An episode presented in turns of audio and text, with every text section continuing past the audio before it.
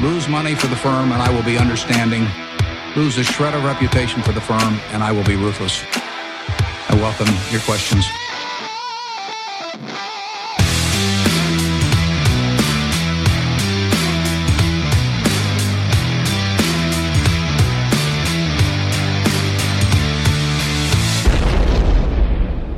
Hej och hjärtligt välkomna till Kvalitetsaktiepodden. Det är jag som är Ola.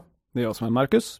Ja, och det är jag som är Klas. Detta är det numerologiskt betydelsefulla avsnittet 111. Bara ettor! Bara ett år. Och vi är tre också. Här Ja. i. det, är, det är så mycket här som man det, det är läskigt. Det är Ja. som det här Da Vinci-koden nästan. Det, det, är någon, det är någonting spooky med det här. Fast lite värre. Och det var tre guld på de tre första dagarna i och OS. tre guld på de tre... Ja, det är... Sen, sen ballar det ur lite. Ja, ja. Mm. Idag kommer det bli rapportkommentarer och mer rapportkommentarer. Ja, Det är nästan tokigt, så vi tänker försöka hålla uppe tempot lite här. ja, idag får man verkligen... eh, Här är så mycket gott, lite gott i påsen där ute i rapportfloden så att Man, man, man, får, man får valuta för abonnemanget tänkte jag säga, men det här är ju en gratis podd va? för, Så- för den enorma tid man investerar när man Ja, försöker lyssna jo. på ett avsnitt av den här podden, det, det, det, så är det. Ja. Ja. Mm. Eh, sedan eh, senast har ju två tredjedelar av podden haft covid. ja. Eh, och det råkar ju sammanfalla med några av de mest spännande OS-dagarna. Ja. Hur fan tänkte man? Även slumpen har ju sina regler, var det någon som sa. Klart Men, men misstänkt säger Macke, du har fått jobba på som vanligt. Klart misstänkt skulle jag säga. Ja. Det jag börjar se ett mönster i de här grejerna. ja, det är alltid Macke som får jobba på medan vi eh, Mitt i på något rapportperioden. sätt. Ja. Ja, nej, men eh, det gick väl ganska bra. Ja. Även om det var inte den roligaste grejen. Nej då. Nej, men tre sprutor hjälper till bra att hålla det på stången. Ja. Eh, Så förutom vår first hand experience av covid så har ju några slags restriktioner släppt har jag förstått. Jo, jo Har tack. ni hört om detta? Ja. Eh, och jag kan inte förstå riktigt vad det går ut på. För eh, alltså sitta kvar på krogen efter klockan 23. Mm. Det har väl ingen av oss orkat. De senaste fem åren i alla fall så att. Tio menar du? ja. Ja var det redan 10? Ja då känns det ändå som en Nej, lättnad. tio år menar jag. Jaha 10 åren okej. Ja. Nej, då. Nej. Nej, det har väl inte varit, så, så just den grejen har väl inte varit särskilt jobbig för oss här. Nej, det har det faktiskt inte varit. Men, mm. som idrottstränare och ledare då så är det ju toppen att äntligen få att våra fina ungdomar då ska få träna och tävla som vanligt kallar jag det. Mm. Och eh, det här med framförhållning och längtan som inte ständigt eh, förbyts i besvikelse här. Mm. Vi hoppas på den framtiden och jag känner att nu är den här. Ja, hur har ni hanterat er nyvunna frihet, Ola och Marcus? Ja, du, vi kan väl säga precis det du sa här. Eh, tränarrollen gick ju från A, 8 barn förra söndagen till 18 barn den här söndagen. Så att eh, jo, det gjorde lite skillnad här. Någon skillnad har detekterats. Eh, ja, precis. Eh, annars har det nog eh, varit mest rapporter och vi träffar ju inte så jättemycket folk ändå under rapportperioden här. Sitter och matar va. Så att eh, det har väl inte eh, hänt något större här men eh, man känner sig lite friare känner man sig nog. Även om Ja. man inte har gjort något speciellt annorlunda. Ja, men det är väl härligt. Ja. En härlig känsla och våren kommer och Ja, precis. man anar morgonluft så att säga. Macka då? Ja, nej men det är, det är rapporter OS. Ehm, och jag vill slå ett slag för Nils van der Poel. Fantastisk idrottsman. Oj. Dub, Ja. Dubbla guld och världsrekord. Eh, och här ska man ju se den fantastiska dokumentären på SVT Play. Nils van der Poel, dåre eller geni. Den, den måste ni in och se. Och det sjuka var ju att den där kom ut redan innan. Så nu vet ju alla att det är geni då. Oavsett vad man hittar i. Men jag ska se den, jag lovar. Jag har ju lovat det förr och nu lovar jag det igen. Brukar man inte säga att det är en hårfin gräns mellan galenskap och, och geni va? Eller? Ja. Så att det är väl där då. Ja. Och den är ganska tydlig ska jag säga. Eh, Wolfgang Pichler är med. Han är ju legendarisk tränare för skidskyttelandslaget och han är ju känd för hårda träningar. Ja. Men han säger ju om Nils program att han aldrig sett ett så hårt trän- träningsprogram. Men att han ändå This is höll. beyond. Alltså man kan inte, kroppar som går sönder under hård träning liksom. Ja, ja. ja, fantastiskt. ja Jag imponerande. tycker det är så kul att han la av också en gång ju. Han har ju lagt av. Han var ju typ bästa, mest lovande junioren och sen, nej, så var han nöjd. Och sen komma tillbaka på det här sättet. Det är, jag, jag det är material jag, för en film. ja, frågan är om man sadlar om och ska in på något helt nytt här kommande fem år. Vi Det är, det är väl misstänkt så att nu är det väl skridskorna på hyllan här. Och så gör vi något annat. Konstigt. Vilken, vilken kille alltså. Mm. Ja, häftigt, häftigt. Ja, kul. Ja, eh, när vi pratar om riktiga killar. Ja, Mm, då tänker jag eh, osökt på Cavalier. Jaha. Eh, det är ju våran huvudsponsor. Ja, det kan vi göra Cavalier på. AB. Ja. Och så här mitt i rapportperioden tänkte vi passa på att få Peter då, eh, få hans syn på ett antal intressanta bolag i deras fonder.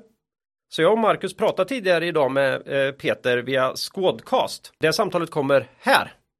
Hej Peter och välkommen tillbaka till podden. Tack så mycket. Kul att få vara tillbaka.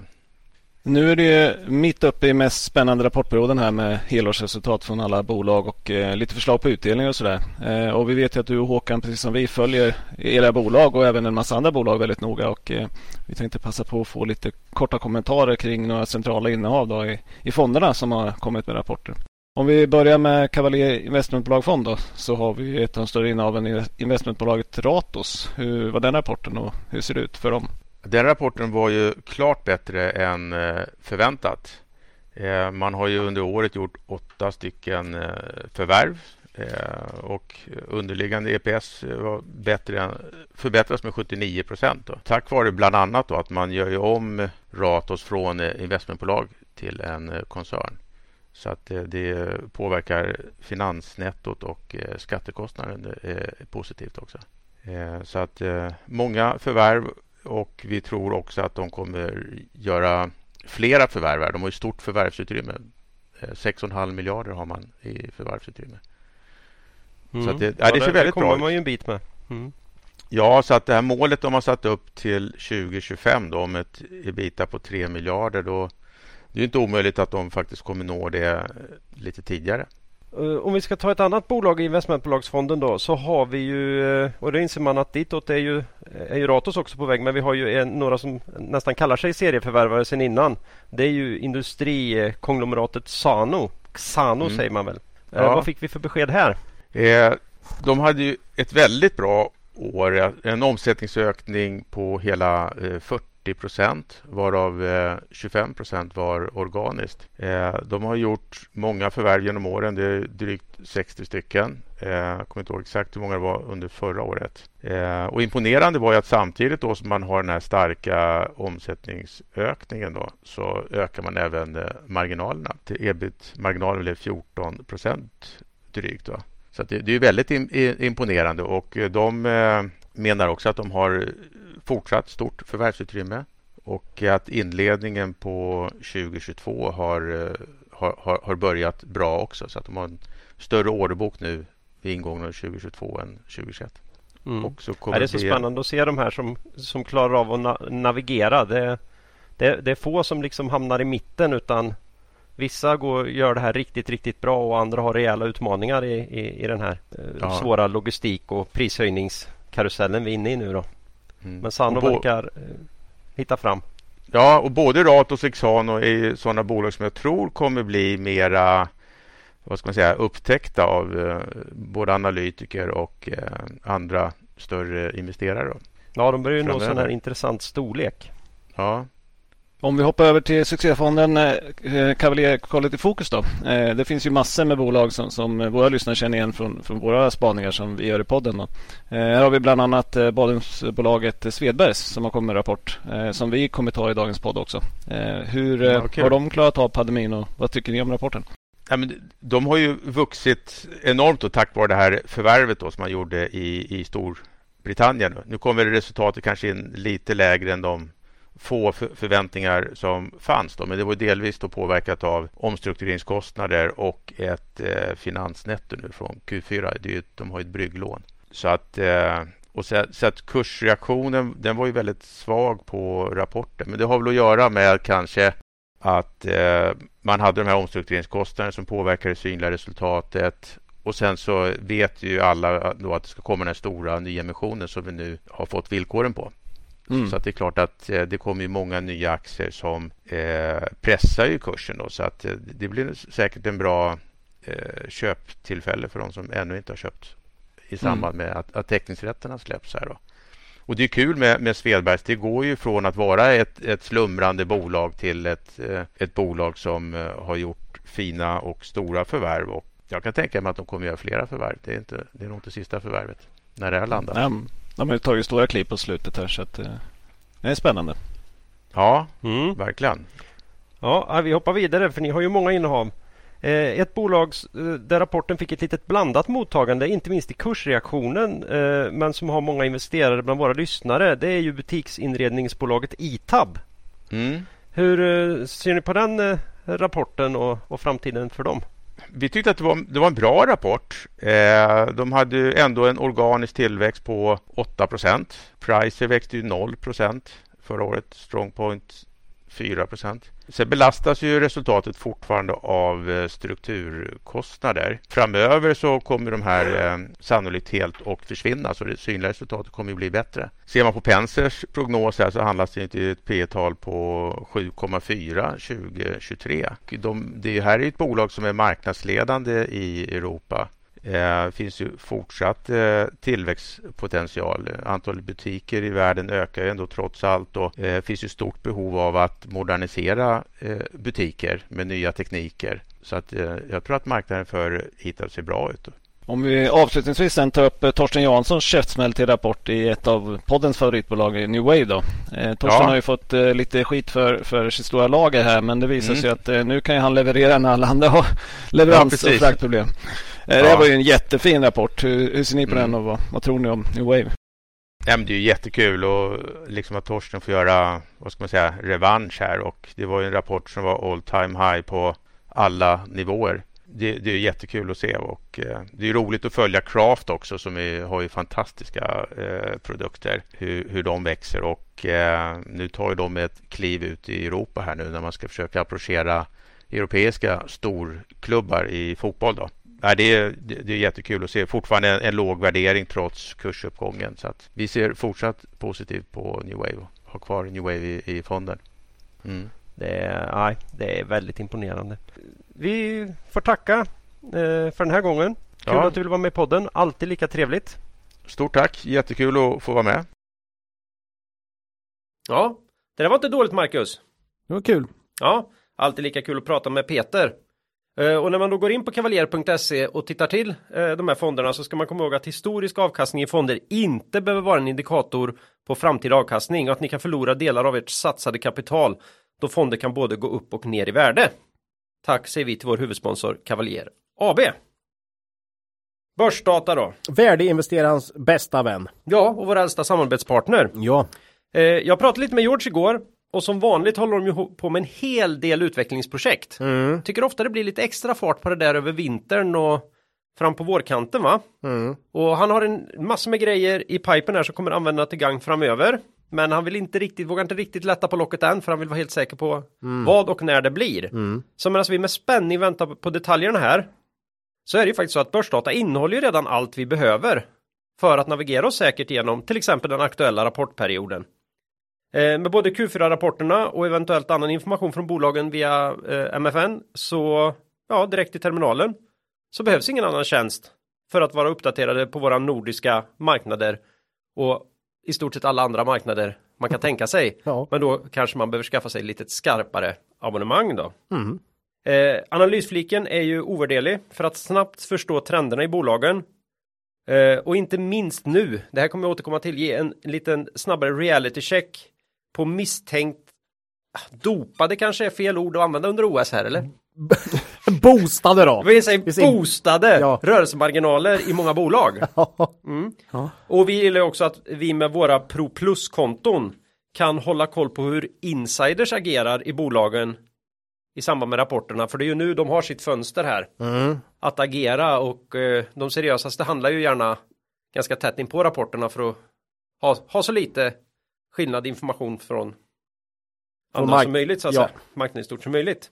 Så ja, missa inte alla möjligheter som finns på börsdata som kan hjälpa er till bättre investeringsbeslut. Tack säger vi till Börsdata. Innan vi går vidare i avsnittet vill vi påminna våra lyssnare om att aktieinvesteringar alltid innebär ett stort risktagande. Aktier kan både gå upp och ner i värde. Satsa därför aldrig kapital på aktier som du inte är beredd att förlora. Det vi säger i podden ska aldrig betraktas som köp eller säljrekommendationer. Gör alltid din egen analys av bolagen innan eventuell handel. Ja, ett lite kortare aktuellt segment ska vi väl ha idag ändå. Mm. Här har jag bara skrivit invasion och inflation. ja, men det är korrekt.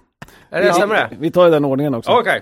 Nej men det är svårt att inte ta upp eh, det här oron som har varit på slutet över eventuell rysk invasion i, i Ukraina. Eh, jag, läste någonstans, jag läste någonstans att det skulle vara klockan 10 idag, men det, ja, onsdag då. Men det blev inte något så.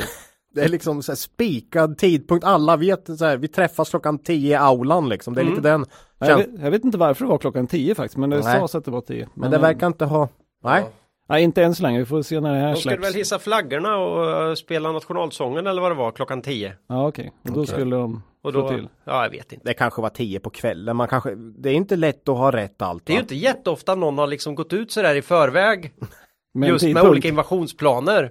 Och sagt att nu. Jag tänkte mer så, 23... så ni, bara så ni vet så tänkte jag komma förbi på, på onsdag. Ska vi säga vid 10 hugget? Och, och stjäla eran tv. det är liksom den. Ja. Nej. Nej. Ja, nej. nej. men äh, skämt åsido, det är ja. väldigt svårt att kalkylera med. Ja. Men vad, vad, ska man, vad ska man, hur ska man se på det? Eh, tittar man på eh, lite historiskt, då, nu finns det inte jättemånga exempel, men, men Irakkriget ligger någorlunda nära till hans. Eh, där var det ju ganska mycket nedgång innan, men så snart man sen såg vart det var på väg så att säga, då började börsen gå upp, mm. eh, långt innan det var klart. Då. Ja. Eh, så att det beror på helt enkelt, men, men vi brukar säga att det är svårt, man kan inte ta med det värsta scenariot, det vill säga att NATO dras in och att det blir liksom storkrig mellan Ryssland och NATO liksom kärnvapen. Det, det, det scenariot måste man ju egentligen ta bort. Ja, annars på något sätt, ja, det, annars blir det svårt att ja, investera. Mm. Det blir något helt annat. Då får man ju liksom hamstra guld och förnödenheter och bli mm. sams med någon bonde liksom. Eller något. De, de sprängde mitt hus. Ja, men titta på portföljen då. Titta på portföljen. Nej, nej. jag tror att det, mm. nej, man kan släppa det där. Man släpper de, de absolut värsta scenarierna. Vi ska väl poängtera här det att vi, vi kan, man, det är så jobbigt för så fort man pratar ekonomi kopplat till den här typen av händelser så kan man ju anklagas för att vara väldigt cynisk. Det här är ju alltså en finanspodd som handlar om börs och bolag. Mm. Vi hatar krig. Vi önskar att det inte skulle finnas krig. Vi önskar att alla människor kunde vara vänner. Mm. Att allting var fina, välfungerande demokratier. Jag tror att de som verkligen lyssnar på podden vet det. Ja. Men eh, vi, vi tänker fortfarande göra så att vi analyserar bolag och då är det här en omvärldshändelse som till och med vi verkligen behöver ha koll på. Ja. Mm. Och vi kommer återkomma till ett bolag som ganska tydligt har påverkats av oron så att säga. Ja. Men det tar vi då. Ja. Eh, men den andra oron på börsen är ju inflationsoron eh, då. Den har vi ju haft uppe tidigare men nu börjar det synas på riktigt tycker vi då. Mm. Eh, vi kommer återkomma till det lite grann med bolagen också. Men, vi, året, eller avsnittets rapportbolag får bli Nordic Waterproofing Group. Vi hade ju Essity förra. Ja. Man kommer med Q4 här 8 februari, växte 16% 5% organiskt. Lät ju ganska bra, bra. man har mm. köpt ett hel del bolag. Men det är intressant var man pratade inflamma inflation ja. i inputpriser. Eh, man sa att man hade sett signifikant högre insatskostnader för båda segmenten. Då. Men inom Product and Solutions så hade man kunnat höjt priserna och kompenserat det här då. Eh, men i det här eh, affärsområdet som heter Installation då, som är mer tjänster, har man inte kunnat kompensera. Så här gick marginalen från plus 9,3 till minus 3,1. Oh. Det är mm. SUT-klass på den tappet. Ja. Aktien föll 10% på rapporten. Mm. Eh, vi varnade ju för det här när vi hade uppe bolaget i avsnitt 104. Kan man gå tillbaka och lyssna på. Mm. Det var ju delvis för att bolaget var väldigt transparenta så det skulle de ha plus för. Ja, eh, men marknaden men... tog inte så mycket hänsyn till det då tyckte vi. Nej, det verkar inte så. Nej. Eller så Nej. blev det ännu värre än vad man trodde liksom. Mm. Men det vi vill eh, säga egentligen, håll utkik efter bolag som ökar omsättningen på grund av att man höjt priserna men får marginalpress då. Ja. Eh, det är lite intressant, du tar upp de här grejerna, invasion och inflation. Eh, lite jag tror ju ändå att hittills har inflationen varit mycket mer eh, liksom grund till nedgången än invasionen så att säga. och den eventuella räntebanor det, det, är ju det. det borde innebära så att säga. Ja. Om inte alla ekonomiska teorier är helt, helt slagna ur spel. För att mm. alla centralbanker runt om i världen har ju, ju liksom stöttat mm. ekonomin i tio år nu ganska hårt. Alltså om det bara det skiftet att det skulle kunna bli betydligt mindre av den varan tror jag gör många ganska oroliga. Man ser också på de extremt högt värderade bolagen som har tappat mest då. Mm. Eh, som också då såklart förväntas ha intäkter längst fram i, i tiden. Eh, är mer räntekänsliga. Så att ja, nej, jag, jag tror ju att eh, inflationen liksom är, är, en större faktor än in, i, invasionen här mm. än så länge. Men skulle det Ryssland gå in här? Mm, får se. Kan det ju bli en ytterligare nedgång därifrån då såklart. Eh, mm. Nej. Och vi tror ju kanske inte inflationsdelen är över. Jag tror absolut inte. Tro. Jag tror absolut inte det. Jag tror att det här kan hänga i ett, ett, ett tag eh, faktiskt. Så att, mm. Nej, men det, ja. det kommer ju en löne, liksom, en process där som ska vara igenom och den kan bli stökig i år. Mm. Mm, definitivt. Nej men alltså det, det som man ser är också när, när ganska stora bolag går ut och berättar om att förbereder på att grejerna kommer att vara dyrare. Liksom. Mm. GB går ut och säger glassen blir dyr i år, dyrare i år. ja, till och med det, Ikea går in och höjer ja, priserna. Ikea höjer priset med 10 procent och sådär. Mm. Det är ju helt unikt och Tror ni de sänker 2023? Ah, tveksam. Transitory vet du. Ja. Nu ska jag väl erkänna här då att det här borde jag skrivit i manus. Vad heter det här eh, lyxmärkes LMV eller? Ja, Eh, Louis Vuitton. Ja, Louis mm. Vuitton. Mm. Ja. De, de har ju gått ut eh, för några av sina märken och sagt att det blir det blir kraftiga prishöjningar här mm. globalt.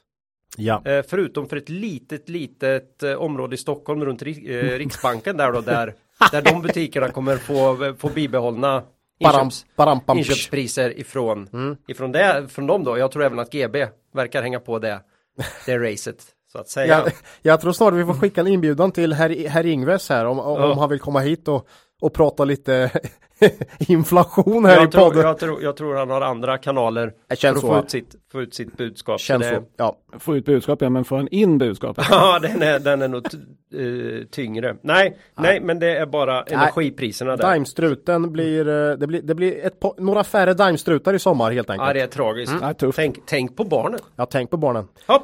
Vi behöver hoppa vidare. Ja! Ja, det är, är ju mängder, här i rapporttider. Mängder med bolag här. Mängder med bolag. Ja. Eh, Vem kör först? Jag borde ha räknat. Någon gång sa vi att det kanske blir 12 stycken. Jag tror det är det. Men eh, två av dem ska jag ta i någon slags konstig Snabb. Mix. Okay. Snabb mix. Ja, det blir så, ju lite kortare kommentarer här. Ja, det ska ja, det vara. Ja, ja. Eh, vi inleder ju eh, på B här. Mm. Nu inser jag att eh, återigen när vi har så många så har jag ju alltid misslyckats med alfabetet någonstans. Så då kommer jag få skit för det, då ändrar vi snabbt. Men Betsson. Det här är ju spelbolaget som alltid hittar en väg framåt. Ja. Senast med i avsnitt 103. Vad säger vi om dem? Ja, nej, men de har ju varit med eh, ett antal gånger här och vi har ju då konstaterat eh, lågt värderat men eh, ganska tuffa kvartal framför sig. Eh, och därför sa vi att vi avvaktar tills vidare och nu har man kommit Q4 då och eh, vad tyckte vi om den? Eh, och förväntningarna var ju låga som sagt. Eh, intäkterna minskade också följaktligen med 10% från förra året. Resultatet eh, ebit då ner 34 och huvudorsaken är ju såklart det här att man fått lämna Holland.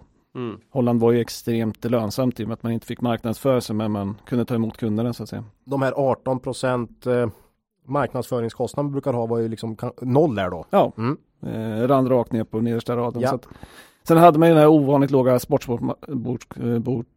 sportboksmarginalen på mm. 6 procent. Så heter det. Ehm, mm. Eh, men sen trots vinstfallet då så steg aktien eh, på rapporten och det här berodde ju dels på att man eh, slog analytikernas prognosen då. Man trodde på sämre, men framförallt då den här trading update som man lämnade.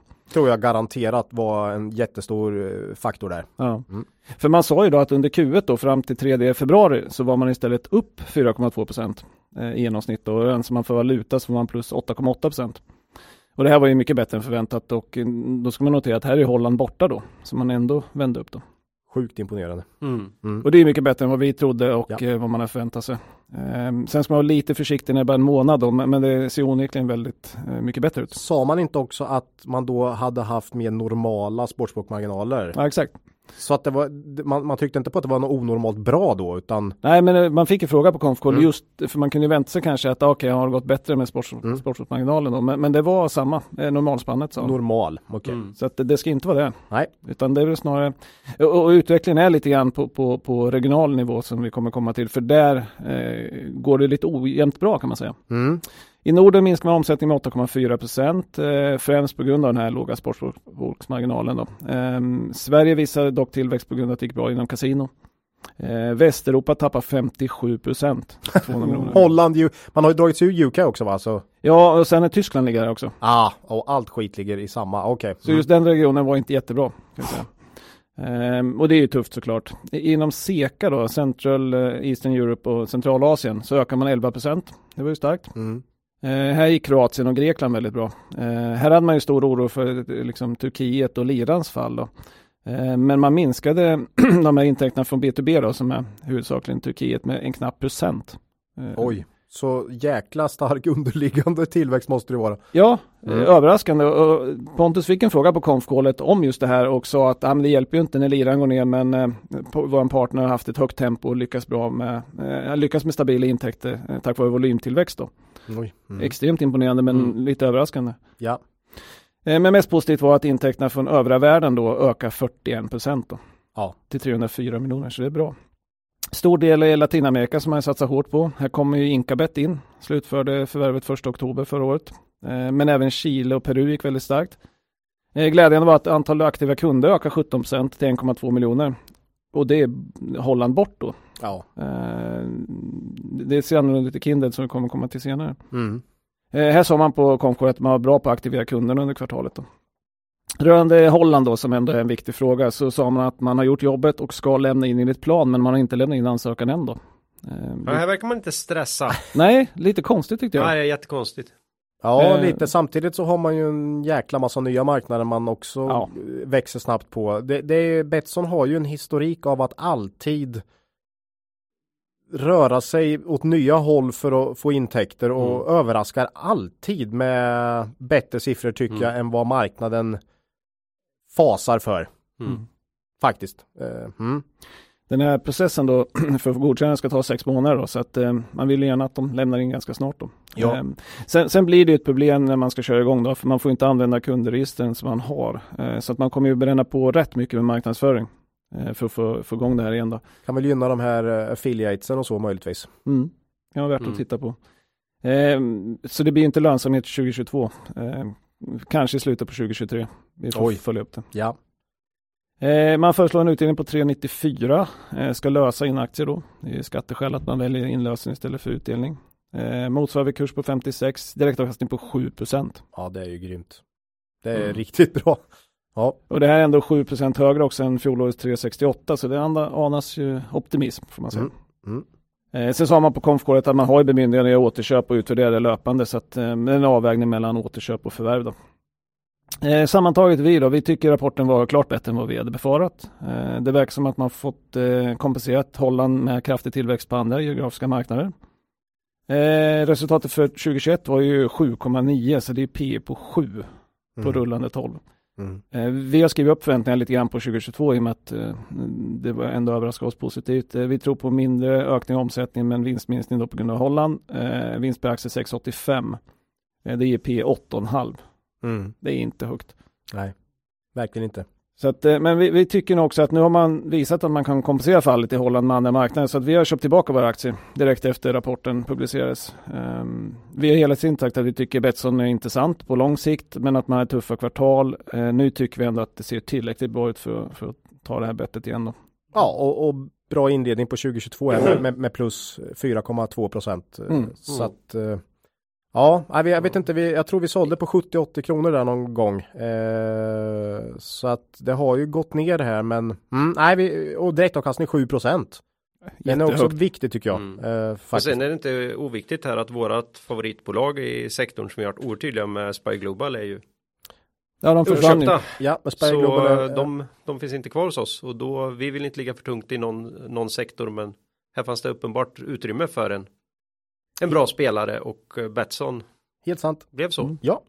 Och sen eh, riskerna i caset är ju som vanligt regulatoriska. Ja. Eh, I rapporten så informerar man om nya restriktioner i Norge, Finland och Georgien. Mm. Eh, och det här måste man ha koll på som investerare. Eh, Lex Holland då. Det kan Tur ju slå ganska ja. hårt. Och Turkiet. Och Turkiet. Eh, så, mm. så, så, att det Betsson har gjort bra historiskt är väl att ha så många olika marknader och varumärken på olika marknader så att man ändå kunna parera då mm. eh, faktiskt på ett imponerande sätt. Men eh, alltid finns det en risk där. Mm. Det är solklart. Men det är jättelågt värderat då. det är väl också därför det är P8 eller 9 mm. eller vad, vad vi ja. nu säger då på. Uh, ja, nej men vi tror på Pontus där då. Yep. Mm. Snyggt. Ja, nej men uh, Betsson verkar ju aningen friskare då än vad man kanske hade befarat. Mm. Ja. Men några som inte verkar friskare det är ju befolkningen i Norge.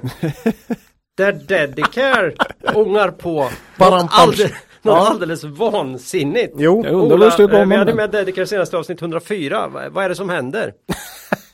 ja, Dedicare släppte ytterligare en väldigt fin rapport får jag säga. Mm. Eh, Q4 visade på en omsättningstillväxt på hela 43 procent. Det är starkt. Mm. Det här är ingen, liksom, det här är inget digitalt bolag. Nej, det, det är ju inte, de säljer ju inte liksom programvara. det är helt otroligt. Vinst per aktie ökade lika mycket. Eh, kollar vi vad som går bra här så är det ju utan tvekan fortsatt Norge som står för mm. allt egentligen. Eh, Sverige ökar omsättningen nu ganska rejält igen. 33 procent upp, mm. men det är fortfarande negativt resultat. Mm. Nästan lite konstigt ändå. Nästan lite konstigt. Eh, och det vi sa om Dedicare senast som vi hade uppe bolaget så var det ju att vi var ganska oroliga för lönsamheten i Norge eh, och om den verkligen är, är hållbar. Mm. Eh, man låg alltså på 14% ebit-marginal under 2021. Mm. Man har ett långsiktigt mål för koncernen Dedicare på 7. Mm. Vilket så, är ganska rimligt för bemanning. Kan nog tycka det. Det är ändå mm. liksom hund, dubbelt så hög lönsamhet i Norge som man har som mål. Eh, ja, det är väl det som gör oss lite oroliga här. Mm. De senaste kvartalen tycker vi dessutom att vi ser en trend nedåt här på rörelsemarginalen i Norge. Eh, den redovisade eh, marginalen för Norge i Q4 hade också en positiv effekt här som man måste justera för, vilket då gör det lite tydligare tycker vi att man ändå är på väg ner lite grann här. Det är absolut ingen dramatisk nedgång i lönsamhet, utan en tendens till svagare lönsamhet skulle jag säga. Mm. Eh, Sverige är fortsatt ett sorgebarn här. Minus 5 miljoner i resultat i Q4 trots en tillväxt på 33 procent. Mm. Det är ju mm. katastrof då, liksom. Här har vi ju många gånger sagt att nej, alltså det här är ett seriöst bolag. Inom kort kommer de ju inte gå med på att göra sämre än noll så att säga. Mm. Fortsatt blödning kommer inte vara aktuellt. Då tror vi hellre att de ger bort den omsättningen. Ja. Men icke. Nej. Här ska förloras pengar. Ja, men alla i, i branschen verkar göra det i Sverige. Mm. Eh, vi får nog för Dedicares eh, räkningar hoppas på att det här nya avtalet med SKR då som ska skrivas leder till lite bättre förutsättningar för vårdbemanning här i Sverige. Eh, och på något sätt kan en bransch drivas med förlust eller nollmarginal hur länge som helst. Det, det borde inte kunna vara så. Nej, jag tror inte Men det. Det finns ju konkurrenter här som ändå verkar tjäna pengar. Ja, några få. Mm. Men en hel del verkar rulla runt med noll lönsamhet också. Och man trycker både, både Dedicare och Gas har ju tryckt oerhört hårt på i det här, ja vad ska vi kalla det? Förhandlingar är det ju inte utan i, i, i deras input till det här, det här ramavtalet att det måste bli schyssta villkor. Ja. Det måste fram tjänstepensioner här. Det är inte rimligt att högutbildade som sjuksköterskor och läkare ska, ska gå på avtal där det inte finns tjänstepensionsavsättning i Sverige. Och då säger man ju här mellan raderna lite att det är inte konkurrens. en konkurrens. Nej, det är lite mm. Mm. Det, är det finns inte... vissa aktörer här som inte riktigt kör med, med samma trygghet. Nej. Eh, för de anställda. Kollektivavtalen står inte i fokus överallt. Nej, det, det, är en bra summering. Ja. Mm. Eh, och summerar vi liksom Dedicare här nu i dagsläget så ser Dedicare extremt lågt värderat ut skulle jag säga. Mm. Men det bygger ju på att man kan hålla uppe lönsamheten i Norge. Eh, vi är ju då som vi har sagt fortsatt oroliga för att det inte är riktigt hållbart. Eh, om liksom hela den delen vinst, all vinst kommer ju från Norge. Mm. Om den, liksom när, om man börjar tappa där, ja, då kommer det få extremt stor påverkan på, på vinst per aktie för Dedicare. I Sverige ser vi bara förbättringspotential egentligen. Eh, men en förbättring i Sverige skulle ju kunna komma samtidigt med försämring i Norge och då kanske det inte blir någon någon eh, vinst per aktie effekt uppåt. Eller hur?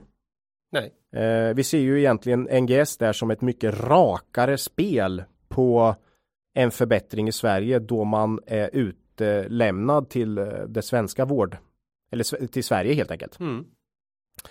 Eh, ja, men Dedicare, rejäl nettokassa, direktavkastning nästan 6% Det är inte alls otänkbart med förvärv. Det, alltså, det är mm. bara en, en, en ren rädsla från vår sida att det inte är uthålligt i Norge. Annars tycker jag allt ser kanon ut här. Mm. Så vi kan väl säga till våra lyssnare, tror man att 14% eller 12% för den delen, eller kanske till och med 10% ebit-marginal i Norge är hållbart, ja, då, då skulle jag säga att det, det här ser jätteintressant ut. Mm. Eller hur? Ja. Eh, Nej, men vi, vi är lite för oroliga för just den lönsamheten där, att den inte är hållbar och väljer att fortsätta följa Dedicare från läktaren här, eller då perrongen som man säger om tåget nu går, va, utan mm. oss då. Ja, vi, vi får se. Sen får, eh, sen man hålla lite koll på upphandlingen här när den kommer. Ja. Det blir väldigt intressant eh, med mm. information kring den. Den kommer bli intressant både för eh, Dedicare och NGS då. Eh, men eh, mm, nej, Dedicare fortsatt starkt. Eh, vi får se vad som händer med eh, lönsamheten i Norge, men som sagt än så länge inga man tappar lite men inte jättemycket. Mm. Mm. Jag har en liten post i pensionssparet. Ja, jag tror inte jag har något där. Jag med. Mm. Uh, det är sant. Tack. Mm. Men vi äger inga aktier här i företaget då? Nej. Nej. Eh, näst i tur då. G5. Eh, det här är ju mobilspelsbolaget eh, vi aldrig skulle äga igen. Med senast i avsnitt 105. Ett bittert, nej det var det inte. Vi hade tjänat pengar där kommer jag ihåg. Men, ja, eh, fast på fel sätt. Ja, så vi var sura. Vi var sura på oss själva. Ja. Eh, trots att det hade gått vi hade fått en positiv avkastning men vi hade eh, räknat fel tyckte vi då. Mm. Ja, misslyckats med vår analys. Ja. ja. Eh, jag hade skrivit 103 men du har säkert rätt på 105 så att Men, men eh, i alla fall. Hittills har jag ju aldrig haft rätt när vi har haft en sån här. så, så. Jag får väl ta och kolla det då. Men ja. man får gå tillbaka till, ja. till det avsnittet för det var lite mer detaljer. Eh, nu pratar vi lite mer Q4 här. Ja. Eh, som kom 10 februari här. Eh, omsättning 325 miljoner, det var minus 3. Det var lite sämre än vad vi och marknaden hade trott på omsättningssidan. Då. Eh, vd sa på konfkålet att eh, Q3, eh, att eh, att i Q3 så har han sagt att det var ett säsongsmässigt starkt Q4 som man förväntade sig. Men så blev det inte riktigt. Eh, och man skyllde på att det största spelet och Hidden City hade gått sämre mot slutet av kvartalet. Mm. Eh, och att de hade ett lägre antal spelare under julledigheterna eh, som han valde att tolka som att man nu fick vara med sina nära och kära och inte sitta hemma och spela mobilspel. Mm. Så det väl bra i och för sig. Eh, för han sa sen att det var mer normal utveckling i januari igen. Då. Eh, ebit 56,5 upp 8 procent eh, från förra året. Fortsatt bättre bruttomarginal ligger bakom där. Då. 65 eh, procent mot 59 förra året och det är samma eh, orsaker då som, som i tidigare rapporter här. man har lägre spelavgifter och man har fler egna spel. De egna spelen är uppe i 67 procent av totalen nu då, från 61 förra året. Mm. Eh, och vad man kallar nya generationen spel uppe på 52 mot 40. Eh, Hidden City är största intäktskällan på licensieringsdelen. Eh, står för 33 procent av intäkterna men den sjunker ju. Och där har man ju lägre marginal och det är det här som, som, som gör att topline inte växer då. Mm. Man har framtidshoppet Sherlock, spelet som är uppe i 13 procent av omsättningen, var 10 procent i Q3. Så det växte 33 procent mellan Q3 och Q4. Mm. Och så har man den här Jewels-familjen då, de här olika spelen, Jewels och Rome och de. Ja, det har jag testat. Ja, som, som ligger på 30 procent ungefär. Mm. Har du kollat upp eller? Nej, det var 105. Det var 105? ja, tänk, tänk vi behöver inte, behöver inte prata så mycket om. Eh, nej men i rapporten, vad vi tyckte var bra också, att man gav lite mer transparens i det här med betalningarna. Eh, vart man betalar sina avgifter. Och det är mycket bra, det har vi efterfrågat lite grann. Eh, Microsoft Store stod då för 41 procent mm. eh, i, i Q, Q4. Här hade man ju sagt, att det var någon analytiker som var ute och sa 30 till 40 procent och så sa Vlad, ja men de har ungefär rätt. Men nu sa man att det var 41 och det är bättre sätt att göra det på. Mm. Ja. Eh, Google Apple 48% och för första gången så sa de att G5 Store har 3 Okej. Okay. Det har de inte sagt förut, men 3% är ju mycket bättre, mycket bättre än noll och där har man ju en extremt låg avgift. Det är lite sådana betalleveranslösningar som man betalar ett par procent på. Men mycket bättre. Hur, hur funkar G? Är, är det deras hemsida? Eller vad? Ja, precis. Du okay. loggar in och så de... Jag tror de kan göra ännu snyggare än så. Jag tror att de kan koppla direkt dit i spelen. Du som användare kommer inte märka mer skillnad än att du måste regga dig där. Kan vara så. Du ja. kan liksom inte bara betala via att du är färdig då på. Nej. Ja, vad heter det nu då? Uh, iPhone Store heter det absolut Apple inte. Store. Apple Store och uh, Google. Mm. Men, men, de, men de tillåter ju inte det än så länge. Nej, men eh, jag menar när, om, om det blir tillåtet ja. så kommer man ju se till att det blir väldigt sömlöst. Någon gång kommer du behöva regga något där, ett kontokort eller något. Men mm. sen kommer det funka som vanligt eller vad man ska säga. Mm. Ja. Och det dök upp en intressant bloggpost från Microsoft här där man sa att man skulle tillåta sån här länkning utanför eh, M-store då. Eh, och eh, det här fick man en fråga om på, på konfkålet och sa att eh, det här var intressant. Han hade inte läst det själv. Han skulle ta kontakt med Microsoft och se vad som gäller. Händer ju oerhört, eller händer kanske inte gör, men det snackas oerhört mycket om de här extrema avgifterna som de här jättarna tar då. Mm. Just för tillfället. Så att Mm, det, det, är ju en spännande utveckling. Ja, vi tycker trenden är ju neråt ja. alla gånger. Ja. Så att det här är en intressant potential för de här bolagen. Mm.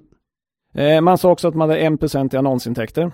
Eh, det är ju väldigt lågt jämfört med en del andra bolag. Mm. Om ni går tillbaka till senaste podden hade vi Magi, Magi Interactive då, de har ju 64% eh, ja. annonsintäkter. Mm. Eh, det var en diskussion på konfkålet och, och G5 har tydligen spel som har 20% annonsintäkter.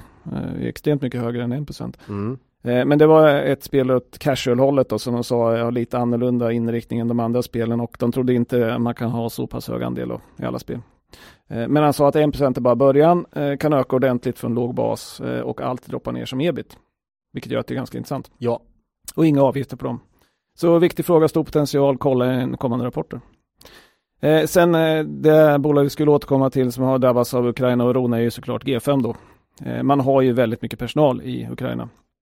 Mm. Eh, det här var en diskussion på konfkålet och de sa att de har jobbat full remote i två år. Det eh, spelar ingen roll var de anställda är eh, och om de vill flytta för att vara trygg som de uttryckte så stödjer de det. De har planer för alla alternativ. De har vissa servrar i Ukraina men de är inte avgörande för det dagliga arbetet och det finns speglar på dem på andra ställen. Då. Så man skulle kunna flytta alla till Polen? Eller? Ja, okay. sättas någon annanstans mm. helt enkelt. Man ser över situationen, i värsta scenariot så har man planer och Eh, vi tror ju att om det blir invasion och eh, G5 går ner väldigt mycket så är det snarare ett köpläge på sikt. Mm. För man kan säkert hantera det. Ja. Får jag tillägga att vi hatar krig? Ja, ja jo, nej men. Vi hatar krig. Nej, det är, jag kan ta den så ja. fortsätta prata bolag ja. också. Nej, men största frågan för G5 är tillväxten eh, och just nu så, så, så har växer de inte eh, som man hade hoppats att de skulle göra. Och historiskt sett så har ju G5s, eh, liksom, marknadens syn på G5 varierat väldigt mycket och varit nästan binär. När det är hög tillväxt så är det jättehög värdering, när det är låg tillväxt så är det liksom låg värdering. Ja. Eh, och idag är det låg värdering. Ja. Eh, för EPS, vinst per aktie då 2021 blev 23,2 och med kurs 2,76 så är det knappt 12. 12 IP, ja. Nej, vi har ju skämtsamt sagt några gånger i podden tror jag att det brukar pendla mellan P10 och 30. Ja. och nu är vi nere på 12 då. Ja. Det finns en liten bit ner till att gå. ja, det finns det, men ja. Ja, men det är ju väldigt lågt, både ja. i absoluta termer men också om man tittar som sagt historiskt snitt på vad G5 mm. brukar värderas till. Ja. Och kan man få fart på tillväxten så kommer kursen gå riktigt bra för de här nivåerna. Nyckeln är nog tillväxten som sagt. Ja. Mm. Eh, Vlad fick ju då frågan, eh, vd, eh, på konfkålet om det fanns en chans till organisk tillväxt 2022. Ehm, och han sa då att man räknar med organisk tillväxt för egna spel och nya generationens spel. Ehm, men hur det går för hela koncernen beror på Hidden City. Ja. Och då sa han det kan bli flat, positive, but I hope not negative. Ja, så att man, ja, känns hyggligt som att han kanske räknar med hyggligt oförändrat och han tappar ja. på Hidden City och ökar på resten då. Lite 1 Q 2 liksom. Ja, 1 Q 2, mm. ja den är bra. Det blir något av dem.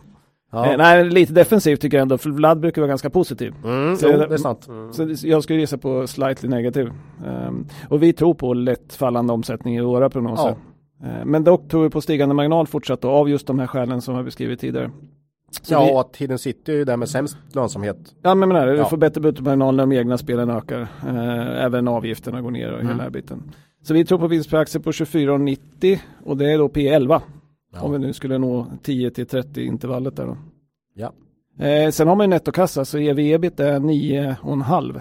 Mm. Och det är extremt lågt ja. eh, tycker vi för den här typen av spel. Eh, man har ju liksom inte de här leveransproblemen, man har inte några inputpriser som man har inflation i och så vidare. Så vi har ju köpt in oss igen då i G5 fast ja. ni sa att vi aldrig någonsin skulle göra det. Vi skyller ju på att du är i bolaget nu så att Det kan all, vara så kanske. All bets are off. Ja. Det gäller Först inte har vi Swedish Match i podden ja, det... och nu mm. köper vi in oss i G5. Fast du, det är ju vi som har gjort det, men vi skyller ju på. Senast var det ju på 90 kronor kommer jag ihåg vi köpte. Ja. Eller något sånt. Ja, vi sa när den går under 100, mm. då är det det är för billigt. Nu köpte vi för 2,65 här mm. något. Ja, vi får ja, se. Nej, vi köpte väl den här dagen när det var så negativt. Ja, vi köpte på måndags. Krigs eh, orosdagen där. Mm. mm. Nej, eh, nej, men det man kan säga här är, ja, vi var, om man går tillbaka nu och lyssnar då, vi var ju sura som tusan på Vlad. Mm. Vi tyckte ju att han, han hade gått ut, vi kommer inte ihåg vilket kvartal det var, kvartalet innan och sagt att nej, nu har vi koll på det här med UA-kostnader. Det kommer aldrig bli som det har varit förr att vi bränner på utan att få effekt. Mm. Och sen kom det i kvartalet ja, efter tyckte vi. Värre än någonsin. Ja, Q2 2019 tror jag ja. var. Mm. Som och då, då tappar man ju allt förtroende så att säga eftersom de där grejerna plockar ju alltså mm. rörelsemarginalen blir bara skräp. Mm. Eh, efter det så har vi ju fortsatt att följa Vlad och bolaget och tycker att mm. vi har inte haft någon anledning och vi har inte sett något nytt sånt. Nej. Snarare tvärtom så har man blivit ännu duktigare, man har blivit ännu mer transparenta precis som mm. Macka är inne på här. Mm. Man eh, pratar om relevanta saker i sina rapporter och och sen har du hela den här trenden med stigande lönsamhet på grund ja. av ett flertal faktorer då, mm. som, som gör det intressant. Vi. Mm. Ehm. Mm. Sen har vi, vi har kört full, fullt innehav för nej, vi vill kunna, vi kunna öka ifall det blir en, en dipp på en ganska, ganska, ganska, liten post då. Mm. För att vara med lite. Ja, men mm. vi är åter ägare i G5. Ja, det är spännande. Entertainment. Mm. Eh, därifrån då har jag ingen snygg övergång till Invido. det, jag säger att det här är bolaget för de som vill se bra ut. de var senast med avsnitt 103. Ja. ja Enligt MIG. Mm. Ja, Okej, okay, jag har skrivit 104 då, men det, ja, vi får se. Det blir spännande sen efteråt. Det här är ju alltså. jättespännande. ja. Let's mm. google it. Mm. Mm. mm. Eh, I alla fall, de var med efter Q3-rapporten kan vi enas om i alla fall. Eh, och vi var ju lite förvånade då över att den här marginalpressen som de hade pratat om från Q2 inte syntes i Q3. Och tänkte, tyckte att det var lite konstigt. Eh, men varnar för att det kanske kan komma senare, så då är det lite intressant att följa upp vad händer i Q4 då. För nu kom effekten. Eh, mm. marginalen är ganska kraftigt eh, från eh, Q4 2020 då. Då var det rörelsemarginal på 12,6, nu var det 11,4 då. Eh, om man justerar för den återbetalningen av överskott för kollektivavtalade pensioner. Det där ska man hålla lite koll på för det är många bolag som får det nu. Eh, mm. Och det är lite olika transparens där ute på att man faktiskt har en sån här positiv engångspost eh, ja. som man behöver rensa för. Precis. Så håll span på det. Eh, man pratar om att man har kostnadsinflation och att det speciellt är problem att höja priser inom industridelen då.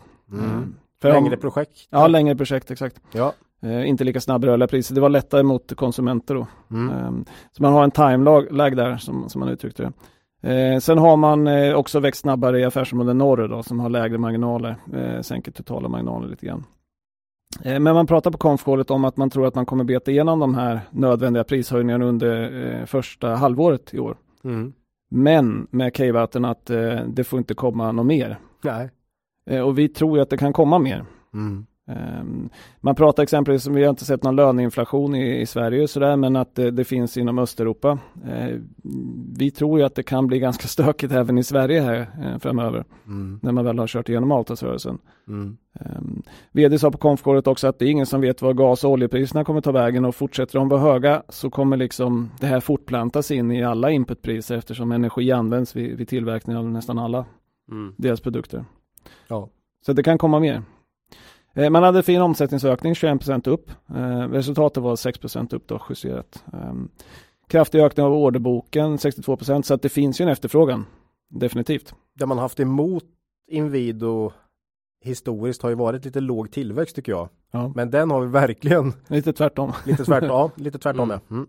Så att, eh, nej men, och vi tror ju det här vi kommer att se från fler bolag. Eh, omsättningen går upp på grund av hög, höga priser och stor efterfrågan men att marginalerna på vissa bolag kan, kan få smäll. Då. Ja, tydlig trend i Q4 på många håll. Ja. Och som vi tog upp i Nordic Waterproofing, det är väldigt tydligt i deras rapport också. Men, men det kommer vara fler bolag. Eh, sen e-handeln var kanske inte så stark som, som, som vi trodde heller. Eh, stod för 11% av omsättningen på helåret men bara 9% i Q4. Då. Okay. Så, så den hade man kanske väntat skulle växa istället. Då. Eh, ser fortfarande organisk tillväxt men svårare jämförelsetal då. Eh, och sen har ju då Industrials gått ganska starkt och där är inte många sådana som sitter och e-handlar. Liksom. Nej, just det. Eh, men, men vill vi se att det tar mer fart där ändå. Mm. Det var ju bra fart ute i bygghandeln alltså. Nya covid-restriktionerna kom ganska sent alltså in på julen. Det var liksom tidigt i december igen som man började fatta att det här omikron-skiten skulle lägga sorti på, eh, sordi på stämningen. Så det är viktigt att komma ihåg att det var liksom det såg väldigt bra ut där och sen fick vi en enorm backlash här men mm. ganska kort. Ja. Eh, och, så det är inte konstigt att det kanske tog lite på deras Nej. näthandel. Nej. Sen eh, det som kan göra bilden lite mer positiv då skulle vara förvärv. Ja. Mm. Det har vi pratat om varenda gång. eh, och man hade ju den här kapitalmarknadsdagen i början på december där man i, i princip sa att man hade nästan förväntat sig att det skulle hänt något i den dagen. Eh, men det har inte hänt något två månader senare. Ja, det är ju lite fördröjning. Lite fördröjning. Mm. Mm. Han fick faktiskt en fråga på Confcall exakt just så. Ni sa ju på Confcall att det skulle komma något. Eh, och sa att nej, men vi diskuterar med privata familjeföretag. Det här kan bli långa processer eh, och vi var väldigt eh, vi hade väldigt höga förhoppningar om just en viss process eh, då när de hade den här eh, kapitalmarknadsdagen. Mm.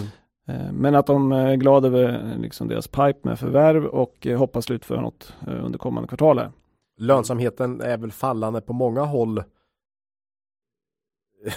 bland företag så att mm. även bolag som är under liksom förvärv då skulle kunna bli mer eh, intresserade av att sälja. Ja, för han sa också att de letar efter multipelarbitrage. Det tror inte jag han har sagt förut faktiskt på det sättet. Nej, nej, okay. Men det kanske blir lättare då om, om liksom priser på onoterat kan börja gå ner lite grann också. När vi började kolla på Invid då hade de ju P8-9 mm. så då var det inte lätt att göra något mm. multipel. Nej, det, så är det. Men nu har de lite högre. Mm. Men eh, vad tycker vi då efter Q4? Eh, vi är ju som, som om ni har lyssnat eh, oroade för marginalpress då från ökade inputpriser. Eh, vi har eh, pratat en hel del om det. Vi skulle inte bli förvånade om det börjar synas mer i siffrorna än vad det faktiskt gör nu. Eh, vi tror det kan komma mer. Vi har skruvat ner våra marginalantaganden då för 2022 eh, redan innan och skruvade ner lite till nu. Eh, vi har en vinst på 11,90 som vi eh, gissar på. Eh, det är ner 3,5 procent från 2021. och det är trots att vi har en omsättningsökning på 10 procent i våra kalkyler. Mm. Kurs 159, EP 13,4. Eh, inte så farligt. Eh, men, men, vi känner väl att risken i prognosen snarare på nedsidan än på uppsidan. Eh, och därför avvaktar vi. Eh, vi hade en liten bevakningspost som vi sålde efter Q4. Eh, jag har en post i pensionssparandet som jag också sålde en del av efter Q4. Det har jag med. Jag, nej, jag har inte sålt. Okay. Jag har kvar i pensionssparandet. Ja. Mm. Mm. Jag har kvar en, en, bit också. Jag brukar inte sälja mm. av helt. Men, men, det är fint bolag, stark ledning. Eh, vi kommer avvakta för det från sidan och se hur de med inflationsproblematiken spelar ut. Eh, det som kan förändra bilden är om det kommer ett förvärv. Ja. Då får vi tomtag på det och se vad det är man köper i så fall. Precis. Sen har de också varit tydliga med att det är en extremt fragmenterad marknad och många av förvärven där ute är ganska små. Mm, så eh, det, det, är inte säkert att det är förvärv, ett förvärv som kommer nu är sådär jätteimponerande utan det handlar nog om en, en rad förvärv som behövs. Det kommer fem stycken ja. på ett år, vem mm. vet. Mm. Så, vi får utvärdera. Det gäller att komma igång. Ja. Ja, ja bra bolag eh, men som många andra lite eh, motvind just nu. Tuffa omvärldsfaktorer faktiskt. Ja, det är ju det. Det är ju det. Mm. Det, är inte, det är inte de som plumpar på något Nej, sätt. Nej, det, det de har gjort det bra. Alltså, ja, vi, vi såg ingenting i Q3 Nej. heller. Så att, Nej, de fast de varnar för det. Så ja. Eh, men förr eller senare så kommer det här nog till många bolag tror jag. Mm. Jaha, ja. det var. Ja. Nej, jag var, går vidare här. Eh, jag var ju och, eh, på sån här återvinningscentral häromdagen. Mm. Och skulle lämna lite grejer där och vet inte vad jag hade gjort då. Va? Men när jag skulle starta bilen, då lät det bara nj, nj. Aj, det är inte bra. Jag hade väl lyckats ha någon dörr öppen när jag hade uh, fyllt på den där tidigare på dagen. Och det liksom ville sig inte alls. Ah, mm. mm. Okej. Okay. Har... Eh, pinsamt, få ut med bärgare, hjälp att få igång batteriet igen. Och det verkar vara det som är problemet här. Kan det vara samma grej som Kindred har råkat ut för Ola?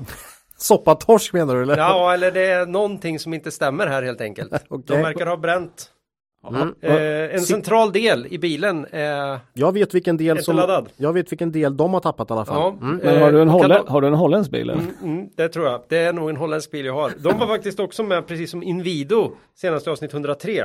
Mm. Kindred. Och eh, ja, är det någon bärgare på gång till Kindred då? Jag fick hjälp men Ja, Nej, men, men Kindred kom med sin eh, Q4-rapport eh, 9 februari. Eh, omsättningen ner 33 procent och det är ju Holland. Eh, vi kommer återkomma mer till det sen. Eh, det hade vi i omsättningsprognosen ganska rätt, eh, 2%, off, men eh, resultatet var vi ganska way off på. Det blev mycket sämre än vi trodde. Eh, ebit 13,1 miljoner eh, pund, eh, nedgång 88 procent. Mm. Det är mycket. Fy fanken. Men jag, men jag såg vinst per aktie var, klara sig. Ja, jag kommer komma till det. ja. Eh, nej men eh, sportsbetting ner 43 procent, kasino minus 25, eh, antal aktiva kunder minus 18. Så att, till skillnad från, från Betsson hade man svårare att kompensera sig här då. Mm. Det var inte så överraskande heller och det var vad marknaden trodde. Men, men som, som Ola var inne på, längst ner så såg det lite bättre ut för man hade en väldigt stor positiv engångseffekt. 885 eh, miljoner kronor på grund av att man omvärderat innehavet i Relax Gaming. Shit. Och det, och det, här var ju så att man, man ägde ju 33 procent av det här bolaget och sen nu köpte man ju resten. Och då blev det ju bokföringsmässigt så att man fick skriva, man köpte ett mycket högre värde nu på hela bolaget ah, än vad man hade tagit okay. upp det gamla på. Mm, jag med. Och då fick man ju en bokföringsteknisk uppvärdering av de gamla tidigare ägda aktierna då. Mm. Eh, jag pratar ibland om väsentliga och oväsentliga engångsposter. Det här är ju en sån oväsentlig som man måste rensa för. Såklart. Eh, men, men, eh, jag såg ju, det fanns ju ganska en del kommentarer ute som inte rensar för det här. Mm. Som tyckte, ja men det här blir inte så farligt. Och då har man ju inte läst rapporten. Nej. Kan man säga.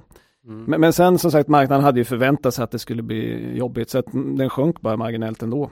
Mm. vilket visar att en hel del är inprisat ändå. Ja. verkar det som. Aktien har ju gått svagt sista året här.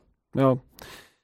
Eh, inom Agimin så är det ofta stort fokus på de här trading updates eh, som, som är i början på nästa kvartal. Eh, nu var ju guidance att man skulle få ett eh, spelöverskott på minus 26 procent. Till skillnad från Betsson som var plus där då. Mm. Eh, svagt men eh, ganska förväntat svagt då. Eh, sen, sen är det intressant i Q3-rapporten Trading Update så hade man ju sportsportmarginal på 2 procent. Det pratade vi om i senaste podden. Det är ju extremt lågt. Ja. Eh, Eh, sen visade det sig att det blev inte så farligt utan på hela kvartalet så blev det 8,5 procent. Ganska Oj. normalt. Jäklar vad man plockat tillbaks där. Mm. Det var ju bättre än Betsson också. Ja. Mm. Och, och, det här är väl lite var lite försiktig där ute med trading updates. Det är bara en månad av ja. tre. Ja. Uh, så att, och särskilt när det är sådana här extremvärden så, så, så, brukar det tyda på att det inte håller liksom över tid. Mm. Men stora nyheten på rapporten var den här planerade skilsmässan med Kambi. Eh, Kindred använder ju Kambis sportsbok men säger nu att man ska utveckla en egen sportsbok. Eh, man sa att det var en del av en längre plan, man vill göra mer internt och få ett mer unikt erbjudande för att sticka ut i konkurrensen. Eh, har man visst kommit på nu. Mm. Eh, man har ju någonting som heter Kindred Racing Platform där man kör trav, häst och hundkapplöpning då. Det är tydligen 10% av totalomsättningen i Kindred. Mm. Så det är inte helt oväsentligt. Nej. Och där kör man då med, med sin egen eh, sportsbok. Då. Man sa att man har 200 personer som jobbar på det här, så det är ganska, ganska mycket. Sen köpte man in Relax här också och då fick man in slots, poker och bingo inhouse då. Så att om man sen då tar in eh, kom, eh, sportsboken så har man ju eh, väldigt stor del inhouse då. Det är lite den trenden bland de större operatörerna. Verkligen. Att, att de vill ha en, en sportsbok inhouse. Och, och där fick eh, de en fråga om på konfkåret just att ja, men de här andra operatörerna som har försökt göra det själv, har inte det gått ganska dåligt för dem?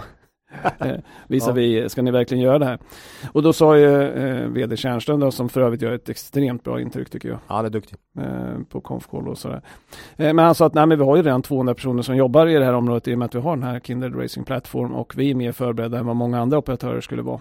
Eh, så vi, det ligger en bra bit bort i tiden, vi har en bra plan och vi, vi, vi vet vad vi ska göra. Mm. Men, men annars är det ju Holland som gäller när man pratar Kindred. Eh, den stora minskningen och framförallt vinsttappet beror ju mm. på stoppet i Holland. Eh, som vi var inne på i Betsson, ingen marknadsföring, många kunder, extremt lönsamt. Mm. Eh, man kom ur den här cooling off-perioden i november som man var i eh, och har nu lämnat in ansökan så att före Betsson i planeringen där.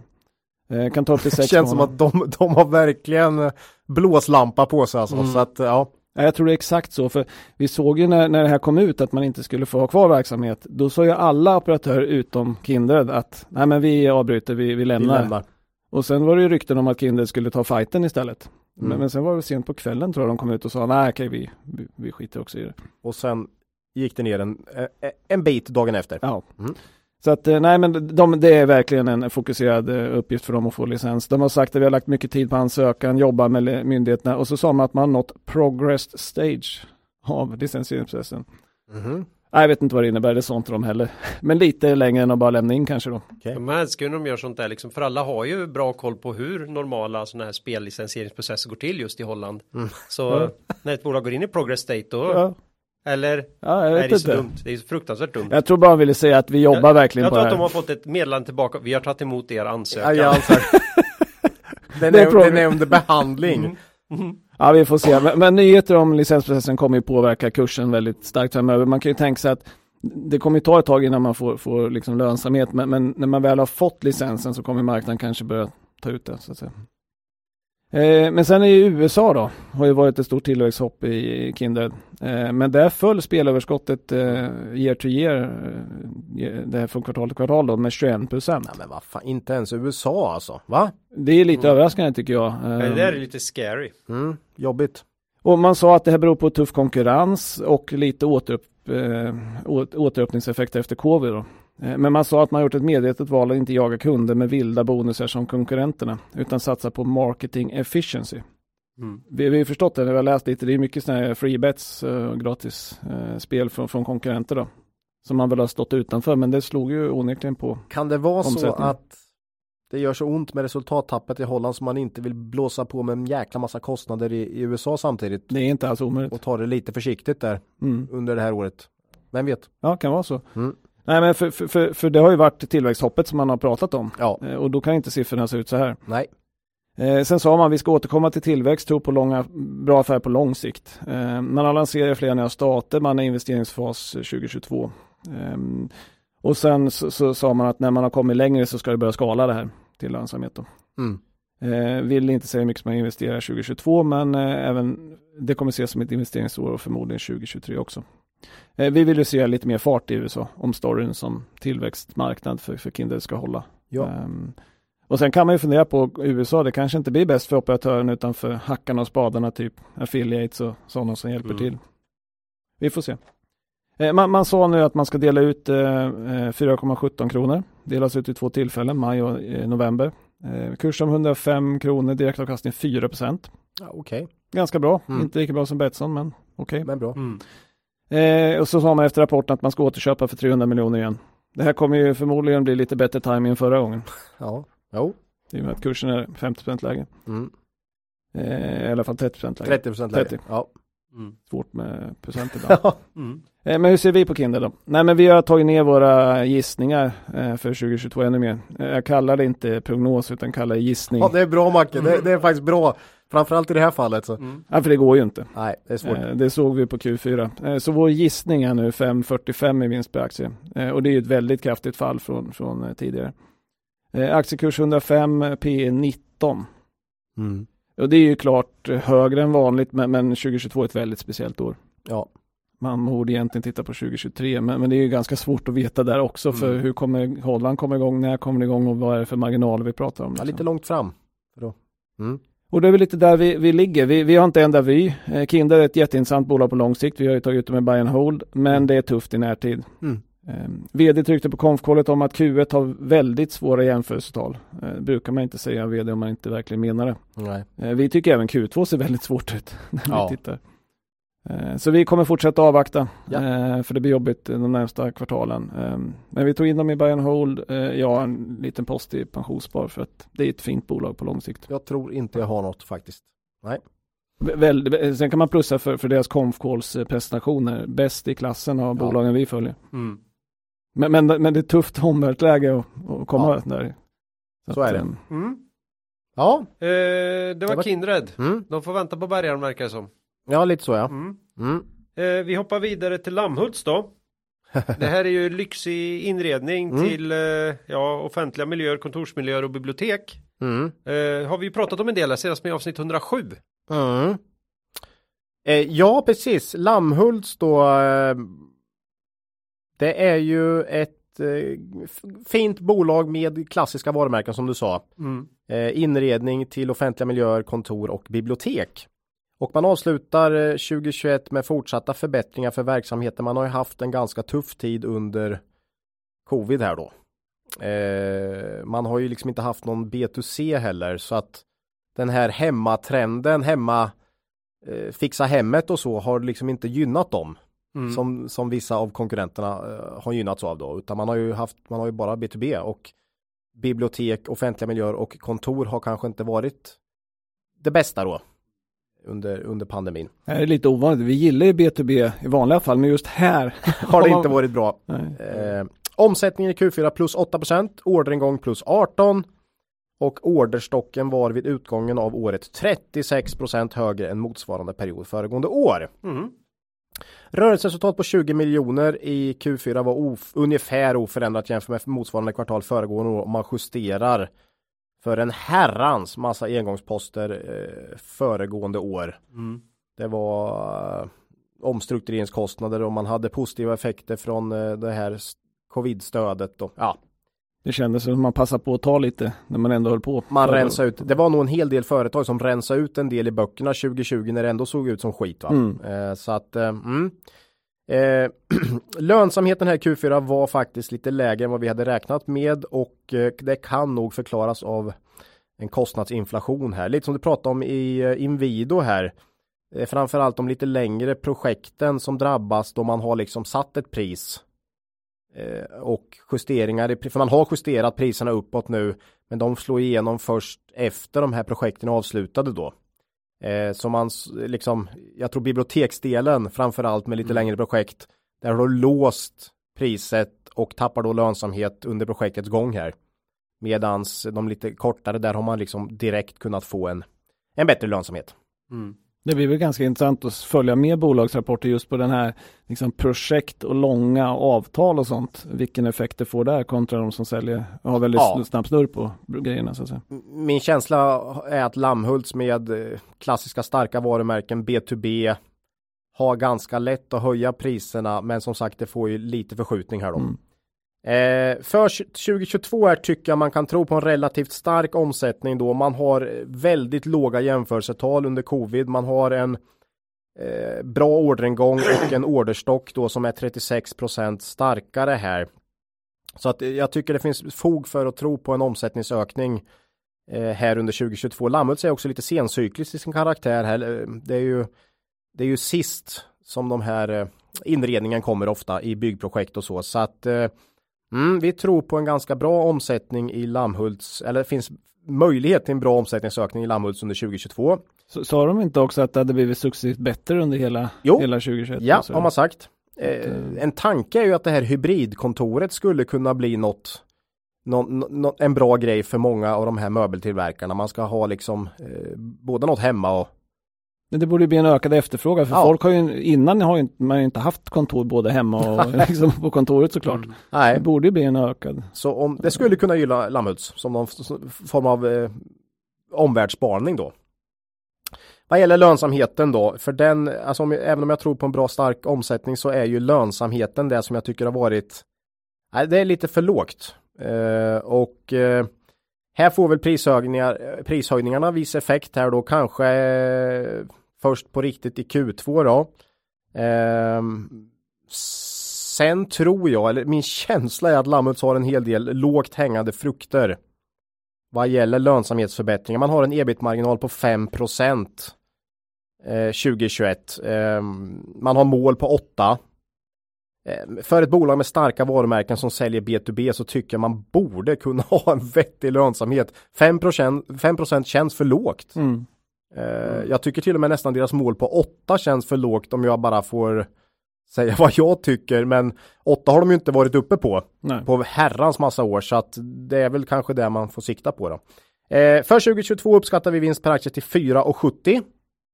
P 9 Eh, inte så dyrt för ett företag som skulle kunna utvecklas bra från låga nivåer. Eh, kollar vi PE på 2019 har vi gjort Lammhults innan, det vill säga före pandemin då så är PE på 2019 års resultat extremt låga 6,7. Mm. Eh, så kan man hitta tillbaks dit så ser det väldigt billigt ut. Balansräkningen är stark, man skulle kunna förvärva, inte alls omöjligt och en direktavkastning på nästan 5 här så Eh, inte så dåligt mm. eh, under tiden medan man väntar här. Eh, ja, vi tycker fortsatt att det här känns intressant skulle jag säga och vi äger, vi har ju sagt att vi äger aktier här och det gör vi, gör vi fortfarande. Ja, mm. den här rapporten ändrar inte på nej, det. Nej, nej. Så Lammhults var mm. det. Eh, vi går vidare här mm. Eh, till någon litet eh, specialsegment här med tänkte ta ett ett snabbt lyft på hatten för två klädbranschvinnare i den här rapportperioden. Nämligen New Wave och Nilörn. Ja. Så jag växlar lite mellan dem här. Uh, New, New Wave var med i avsnitt 91 senast och Nilörn var med i avsnitt 103. Uh, eh, och det är ju, jag vill ju upp, eller vi vill ju uppmärksamma de här två anmärkningsvärda rapporterna då. ja. uh, I de här två bolagen. För, och jag tar dem ihop för slutklämmen kommer nämligen bli densamma. Okej. Okay. Om vi börjar då med New Wave som eh, ju även har ett uh, innehav i Cavalier Quality Focus. Vi tog upp det i vårt samtal med Peter innan podden här, eller innan podden, innan tidigare i podden. Eh, Torsten överträffar ju sig själv här. Mm. Torsten Jansson, vd i New Wave. Omsättningen upp 23% mot eh, Q4 2020. Rörelseresultatet upp 42 Hatten av. Nästan än mer anmärkningsvärt är att omsättningen är upp 14% mot det starka coronafria 2019 och vinsten är upp hela 68 Mm. Och det här är ju mycket tack vare en superstark rörelsemarginal då på 17,5% i kvartalet. Mm. Och rörelsemarginalen för helåret eh, stannar faktiskt på eh, målet man har i bolaget på 15 procent. som jag för, för två år sedan så eh, kändes som en utopi. Ja. ja. Ja, en, intressant. Nu är vi där. En, en monsterrapport i en turbulent tid. Mm. Kan man säga det? Ja. Det är ju kraftiga prishöjningar på insatsvaror och transporter. Eh, och båda de här delarna parerar Torsten med sitt älskade lager. Det är fantastiskt. Och nu, och nu måste väl vissa belackare i andra finanspoddar och finans, finansmedia förstå det som Torsten då förstått för länge sedan. Det är svårt att sälja saker som man inte kan leverera. Ja, ja. Nej, Torsten har ju fått Det är ju mm. 5-0 Torsten här nu. Ja. ja, jag har ju själv tagit upp det här stora lagret som en risk i, i tidiga poddavsnitt av den här podden. Jag med. Och för det vill jag nu be om ursäkt. ja, det är härligt klart. Kan Bra. vi vara först ut här och säga förlåt Torsten? ja. Men jag tror att det vände även innan dess. Alltså, ja, men, ja men, vi, vi har vänt. Jo, för länge, länge sedan. Men, men kanske men, inte riktigt formell sån. Nej, nej. nej. Så, förlåt Torsten. ja. eh, från rapporten i övrigt då tar vi med oss fortsatt, eh, det fortsatta fokuset på varumärket Craft. Som vi tror kan vara en av de viktigaste nycklarna framåt för Torsten i jakten på mer omsättning och bibehållen hög rörelsemarginal. Mm. Eh, Torsten andas optimism i vd-ordet. Men om det är något som bekymrar, bekymrar honom så är det sjunkande och riskfyllt låga lagernivåer. Aj. Bam! Säger jag på det. Ja, det är hårt. Det är hårt. Det är hårt. Härligt mm. Torsten. Om vi skyndar över till Nilörn. En liten sväng då. Så kunde även deras vd Christer Magnusson presentera en riktig käftsmäll till rapport. Ja, det var, det var en riktig sån rak höger va? Ja, från oss faller ju inte en så liten skugga över eh, bolagets kommunikation då i förra kvartalet.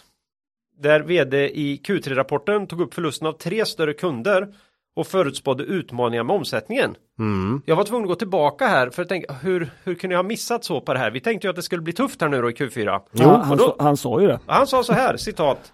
Dock är det nu ett par större kunder som valt annan leverantör, vilket beräknas påverka omsättningen negativt. Positivt är däremot att vi även har några nya kunder med potential att på sikt nå okay. betydande ja, volym. Det, det kändes som att i närtid kunde det där bli jobbigt alltså. Mm. Mm. Utifrån, det trodde vi i alla fall. Ja. ja, utifrån den här Q4 som presenteras nu då. Så kan vi säga att på sikt i Nilörns värld det är väl typ någon vecka. det är kort, kort sikt. Det är, det är väldigt kort. Deras, deras Q4 kom nämligen in 35% bättre på omsättning och hela 89% i rörelseresultat. Än förra året. Än förra året. Det är fantastiskt. Helåret 2021 är med råge det bästa i bolagets historia. Och då hade man 2017 och 2018 som tidigare toppår, toppår helt utan covid-effekter.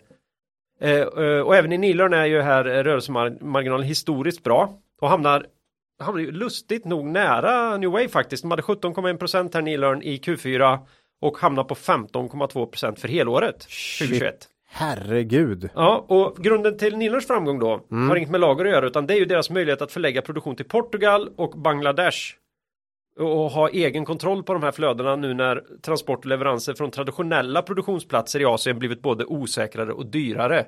Och här ska man inte minst läsa Kina. Kina ja. Mm. Som ju det är svårt med transporter och man har stängt ner på väldigt oförutsägbara sätt eh, i, i sin pandemijakt. Den enas död, den andres bröd kanske mm. där lite va? Ja, vi lyfter på hatten för två fantastiska rapporter ja. i två kapfavoriter. Ja, båda har ju åtminstone varit med i några buy and hold portföljer. Ja, ja. Mm. Och men vi vill höja ett varningens finger här. För att i dagsläget prognostisera de här bolagen på ens ett års sikt mm. är mycket stor utmaning. Mm. I alla fall för oss. Mm. Vi kan inte gissa vilken rörelsemarginal vi vågar tro på som är hållbar framåt. Vårt fokus på historiken eh, har, ju, ja, har ju lärt oss att snabba förflyttningar i framförallt rörelsemarginal sällan är hållbara. Nej. Åt något håll egentligen. Utan det krävs nötande över tid. Både, ja, framförallt om du vill bli bättre. Ja. Bli sämre kan gå fort. Och, och hållbart sämre. Ja, det, bra ja. kommentar Claes. Mm, mm. Ja, men ska men, det bli, ja. Ska det upp, ja. då får du nöta. Här vill jag slå ett slag för börsdata. Ja, ja, ja. Gå, alltså hur tydligt blir inte såna här saker på börsdata? Liksom du ser ingenting, ingenting, ingenting, ingenting, BAM! Mm. Då är det ofta något som är lite konstigt va? Mm. Så grafiskt syns det väldigt tydligt på börsdata. Ja. Och då tycker jag man ska kolla om det kan vara ett förvärv för då skulle det kunna vara liksom det... mer hållbart. Ja. Men, men om ingenting annat har hänt så är det ju lite läskigt. Ja. Mm. Ja, förlåt, ursäkta. Ja, nej, det är ju därför Shoot. vi gör den här podden. Ja, ja, för att vi ska prata om de här grejerna. Ja. Eh, vi gissar ju att både rörelsemarginal och vinst per aktie ska ner i både New Wave och Nilörn under de kommande åren. Mm. Eh, och eh, ja, vårt Excel-ark säger att båda bolagen är rätt värderade på nuvarande kurser. Okej, okay, men det är en vinst som är fallande, ja, är fallande framåt. Fallande och då, vi tycker nästan vi är lite väl positiva där ändå. Vi, vi tror ju att de ska tillbaka då till historiska.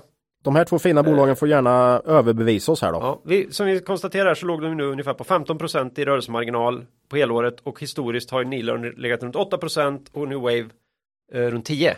Ja. Mm. Så det är ju det är bra högre än vanligt. Eh, väldigt långt eh, därifrån då. Mm. Eh, Men av, eh, hatten av. Mm, vi har, om man har insikt i de här bolagen och då menar jag inte insider utan man har stor förståelse för branschen. Man kanske är i branschen ja. men inte just där. Ja. Och ser att nej men jag förstår varför det är så här och jag tror att det kan hålla. Mm. Det är fantastiskt läge eh, att komma in nu. Lite dedicare känsla. Ja. Nej, ja. Jo, man, men lite. Mm. Och sen har vi ju det här då och här kopplat till vad Cavalier eh, ser i, i New Wave. Mm. Så det har hänt mycket i New Wave.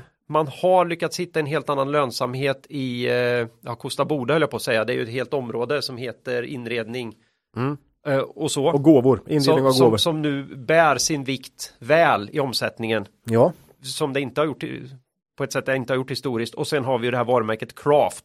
Ja. Mm. Där guldägget. Guldägget som, som nu kanske håller på att spela ut om, om vi var eh. lite dumma mot Loomis här och Loomis Pay och det här, att de särredovisade för att det var så litet. Jag, jag tycker Torsten borde kunna särredovisa Craft faktiskt. Ja, vi skulle ju gärna se det. Han har ju sina stora segment, jag förstår det och så, men det vore, jag tror det vore, eller det vore kul.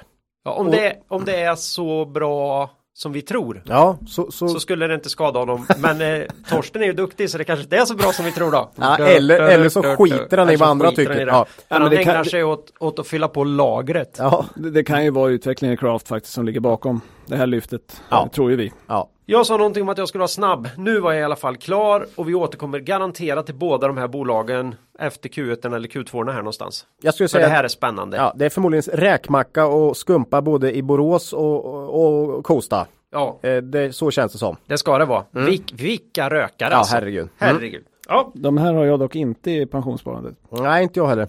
Eh, jag har eh, båda. Härligt Klas! Fanken du! Köpte dem på toppen precis efter rapporten. nej, nej det gjorde jag inte. De har fått, de har fått, jag har, har inte klarat av att sälja faktiskt. Jag, nej, var glad och, för det. Jag, gjorde, jag har gjort så ont när man har sålt BTS så tyckte man gjorde det för tidigt. Här, mm, mm. här vill jag vara kvar. Nej, häng med Torsten här. Jag hänger på. Mm, jag hänger på.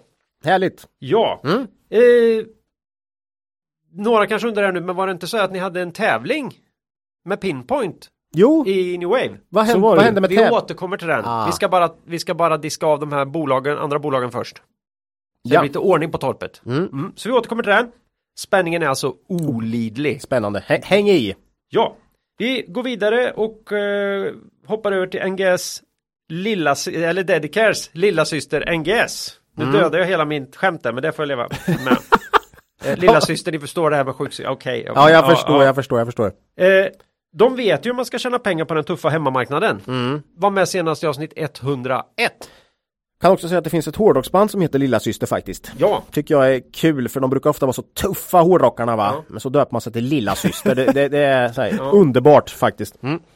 Det är humor. Det är humor. Eh, ja, NGS då. Eh, nej men ganska exakt Dedicares tillväxt i Sverige för eh, NGS. Mm. 30% upp omsättning i Q4. Dedicare hade 33 i Sverige. Mm. Ebit steg dock med 100% här. Mm. I. Det är bättre. Så det är ju bättre och, och det var inte noll från början. Nej. Nej, det var inte, det var ingen hög lönsamhet i, i NGS förra året eh, och det är det inte nu heller egentligen. Men från 3 miljoner ebit till 6 miljoner i alla fall här. Mm. Rätt håll. Mm, rätt håll. Eh, man lyfter fram sköterskebemanningen, rekryteringsverksamheten samt socionombehandlingen behandlingen, bemanningen mm. som tillväxtdrivare. Eh, man skriver att en prispress som blev en konsekvens av pandemins inträde har minskat. Och att man nu arbetar med sunda marginaler inom ovanstående tre områden. Det låter ju bra. Ja, man säger dock att samtidigt är det inom vården hård konkurrens om personal vilket leder till stora utmaningar ur ett lönsamhetsperspektiv. Eh, dessutom har sjukfrånvaron skenat under den här senaste covid-uppgången här då va. Mm. Och, eh, Alla har suttit i karantän eller varit sjuka. Ja, mm. vilket då har inneburit väldigt, eh, alltså högre, högre kostnader för sjuklöner helt enkelt. Mm. Och det där lär väl påverka Q1 också då kan man misstänka. Ja, det måste det bara göra. Åtminstone fram till den mitten på februari då. då eh, då de här restriktionerna släpptes. Eh, men ändå då faktiskt, trots det här så steg ebit med 100% så det är ju bra. Vi tror ju att de har tjänat ganska bra här på på de här delarna som inte är direkt förknippade med, med vården då. Också. Nej, rekryteringsdelen ja. måste ju ha gått bra. Det är ju våran tes där. Mm, mm. Eh, Ingrid är betydligt mer positiv än hon har varit på många år. Skulle jag säga när jag läser hennes eh, vd-ord här. Med positiva framtidsutsikter har vi stort fokus på att bygga vår organisation med nyrekryteringar av intern personal för att möta den goda efterfrågan i marknaden. Eh, vi på NGS är stolta över att ha lyckats uppnå betydande tillväxt både vad gäller omsättning och resultat och ser med tillförsikt fram emot 2022 då mycket pekar mot att förutsättningar som påverkar vår affär stabiliseras och förbättras ytterligare. Mm. Mm. Jag är väldigt positiv. Hon har verkligen inte eh, liksom eh, lyft fram det här som att omvärlden eh, börjar gynnat de sista åren. Nej. Eh, kan man inte säga. Här blir också det avtalet med SKR då, eh, Sveriges kommuner och regioner. regioner. Blir väldigt viktigt för NGS, precis som för Dedicare då. Ännu mer för, mm. för NGS, för de har ju inte eh, Norge att stötta sig mot då. Eh, vi tycker NGS är ett rent spel på en förbättring i lönsamhet i Sverige. NGS har ju dock en viss lönsamhet redan idag. Man ligger väl på 4% ebit-marginal nu, men man har ju ett mål på 7. Samtidigt kommer en hel del från rekryteringen som en... vi har förstått det. Men, ja. men det är bra den att falla tillbaka på ja. lite grann. Så. Eh, så, så att vi, vi känner väl att här skulle man få till en vettig lönsamhet i, i, inom svensk vårdbemanning så skulle det ju vara oerhört bra för NGS. Mm. Och det är ju bra för Dedicare också. Det är bara det att där har man Norge som man inte riktigt vet vad som händer med. Nej, jag är i alla fall väldigt orolig för 14 Det är ju liksom New Wave. New Wave lönsamhet. Mm. Eh, på Dedicare i Norge då. Brukar ha svårt med bemanning liksom så. Ja, liksom, konsulter. Precis. Eh, vi uppskattar vinst per aktie i NGS för 2022 till 2,20 med en successiv lönsamhetsförbättring under året. Eh, kanske sämst i Q1 då, framförallt med tanke på höga kostnader för sjuklöner och dessutom så blir inte det här avtalet klart förrän, ja det blir väl kanske till hösten tidigast. Eh, men, men det skulle innebära P10 då, på, på kurs 23. Mm. Lite drygt. Eh, så det är ju inte högt. Men den stora grejen ligger ju ändå dock längre fram i tiden här om det skulle liksom bli en bra positiv effekt på lönsamheten för vårdbemanning då, då är det inte P10 så att säga. Eh, men det vet vi ju inte än. Men även utan det så ser det ändå faktiskt ganska billigt ut tycker vi. Så att eh, nej, vi tycker inte av mycket av den här potentialen som finns i en lönsamhetsförbättring i Sverige ligger i dagens kurs. Eh, ja, vi mm. äger ju NGS, det vet ju de som har lyssnat på podden och det gör vi fortfarande. Vi tycker det här är ett intressant bett i dagsläget. Mm. P10 och möjligheter till eventuell lönsamhetsförbättring då om det här avtalet med SKR faller ut då. Ja. Och det kanske man ska säga en risk att om de inte skulle komma med, men vi har ju svårt att se att de inte skulle göra det. Ja, det, den är så liten så vi har faktiskt eh, tycker den är försumbar faktiskt. Mm. Mm. Mm. Så har vi sagt även i Dedicare att vi tror båda de garanterat kommer. Vi fick några indikationer på också, också att det också var betydligt fler bolag som skulle komma med än vad jag hade trott. Eh, så att ja, ja vi får följa. De behöver ju ha bolag så det är spritt över Sverige också. Ja, så nej, mm. intressant. Ja. En, en bra Q4 får man ändå säga. Vi håller i. Mm. Eh, vi eh, går vidare, rast vidare eh, till statistikpodden här. Det, är mm. dags, det blir dags för Proact nämligen. det här är ju datalagring på plats eller ännu hellre i molnet och de har varit med hela 17 gånger. Oj. Tidigare i podden. Första gången var avsnitt 3. Det och senast var avsnitt 104. Ja, det innan lång... det här avsnittet alltså. En långkörare. Ja, och eh, vi har gjort många resor i eh, Proact. och man funderar, kan det vara dags igen? ja, det här är ju Vi har ju som sagt ägt Proact i många omgångar. Ja. Och det gör vi ju nu med här då. Eh, eh, Proact skickade ut en vinstvarning här strax före jul. Eh, och där berättar man att systemförsäljningen skulle påverkas negativt under Q4 med cirka 150 till 250 miljoner på grund av den här globala halvledarbristen. Mm. Um, och uh, ja, man skrev också att man hade en god orderingång och uh, en uh, mycket god orderstock. Men kan då helt enkelt inte leverera på den. så jobbigt. Och eh, det är faktiskt de här systemintäkterna som historiskt har jäckat Proact och aktiemarknaden i stort faktiskt. För jag, jag tycker aktiemarknaden ofta har kastats mellan hopp och förtvivlan i Proact och det beror mycket på de här eh, ganska eh, volatila systemintäkterna och nu såg man ju än en gång här att det kan röra på sig en del då. Mm. Eh, hur blev resultatet? Nu har ju rapporten kommit här då. Eh, omsättningen minskade med 4% Kanske lite mindre än vad man hade trott då med tanke på den eh, det ganska rejäla spannet man satte där. Och det blev 200 miljoner så mitt i spannet säger man ungefär att den här har liksom påverkat då. Eh, justerar man för det bara för att se vad det hade skulle ha landat på så är det plus 16% i tillväxt och det är ju vettigt va. Eh, ja, en fördel med Proact är ju att successivt blir tjänsteintäkterna mer och mer här av totalen. Eh, och eh, de är ju mer lönsamma och mindre rörliga, alltså mindre volatila, eh, vilket jag tror kommer gynna Proact på aktiemarknaden över tid. Mm. För marknaden har alltid svårt när det är liksom kast i omsättning då. Skulle jag säga. Eh, tjänsteintäkterna landade på 43 procent av totalen för 2021, vilket är all time high då. Molnintäkterna en viktig del i Proact ökade med 16 i Q4 och nya signerade avtal inom molntjänster eh, ökade med 25 procent. Tittar man på 2022 så kan ju härvidlabristen fortsätta påverka såklart systemintäkterna. Eh, men borde ju bli successivt bättre där tycker vi. Eh, bara man får hem de här, det är ju ja, prylarna helt enkelt så kommer vi nog få en, se en väldigt fin tillväxt i Proact under 2022 med tanke på orderingång och orderstock då.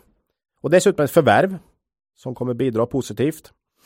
Eh, jag har kollat på vad Introduce och Redeye har här och de ligger på i snitt 6,15 i vinst per aktie.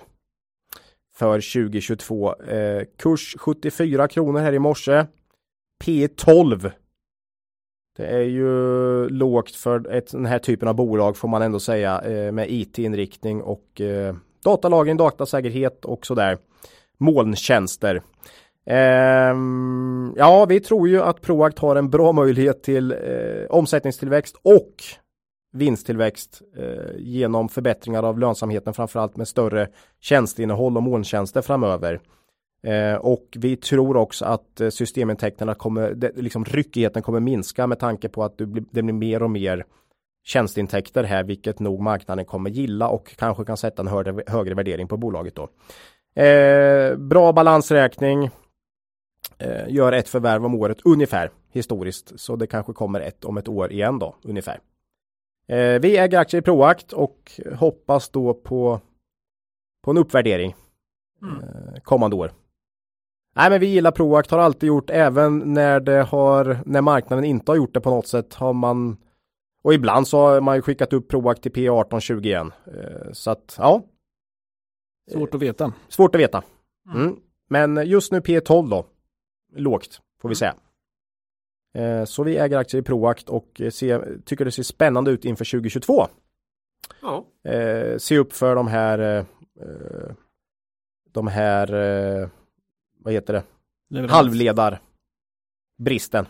Ja. Om det kommer fortsätta påverka, men det skulle kunna göra något kvartal till ju. Mm. Mm. Så är det. Ja. Se vart halvledarna kan leda. Mm, precis. Eh, dag, blivit dags då för uh, Rovio igen. Oj, är det jag igen? Ja, mm. kul, spännande. Det här är ju arga fåglar från inte fullt så arga finnar.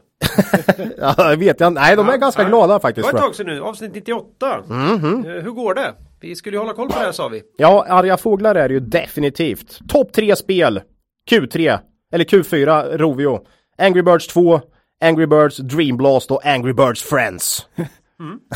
man ser ett tema kan man säga. Man kan se ett tema. Mm. The new upcoming Angry Birds Journey. Mm. Mm. Nej, man kan mjölka. En, uh... jag, jag, sa ju någon gång att det här, må, det här måste liksom decline va? Nej. Det, det, det, går, att, det går bara att fortsätta. Nya, nya varianter på det här va? Skulle jag svaja lite med de arga fåglarna, då kör de lite på grisarna ett tag. Så ja. är man tillbaka igen. Faktum här, eh, om jag ska dra the big picture här. Rovio börjar äntligen få lite driv i topline.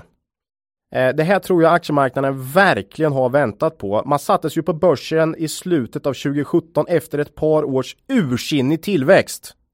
Har vi hört den förut? Har vi hört den förut? Mm. Vad hände efter notering? Nej. Det blev succé och alla blev jätterika. Omsättningen har faktiskt minskat sedan dess. Nej, det... Och vad tror ni har hänt med aktiekursen?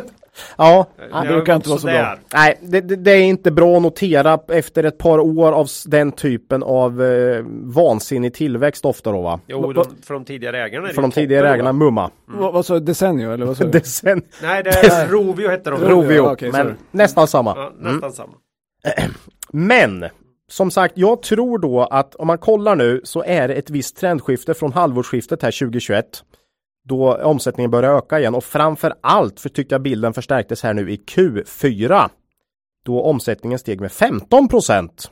Eh, börjar ju hända något här och marknaden var lite seg på morgonen där. Aktien sjönk men sen vände det till rejält plus, plus 10 procent där så att vi har nog lite det här suget efter tillväxt igen i Rovio då. Eh, vi tror det är mycket viktigt för caset helt enkelt. Vinsten steg kraftigt i Q4. Q, Q4. Alla de tre största spelen eh, som är varianter på Angry Birds då, mm. höll jag på att säga, eh, steg också omsättningsmässigt då. Eh, och det här nya intressanta man har på gång, Angry Birds Journey, har inlett eh, positivt får man säga. Och man tror mycket på det. Du har testat det här Claes? Ja. Eh. Är det kul?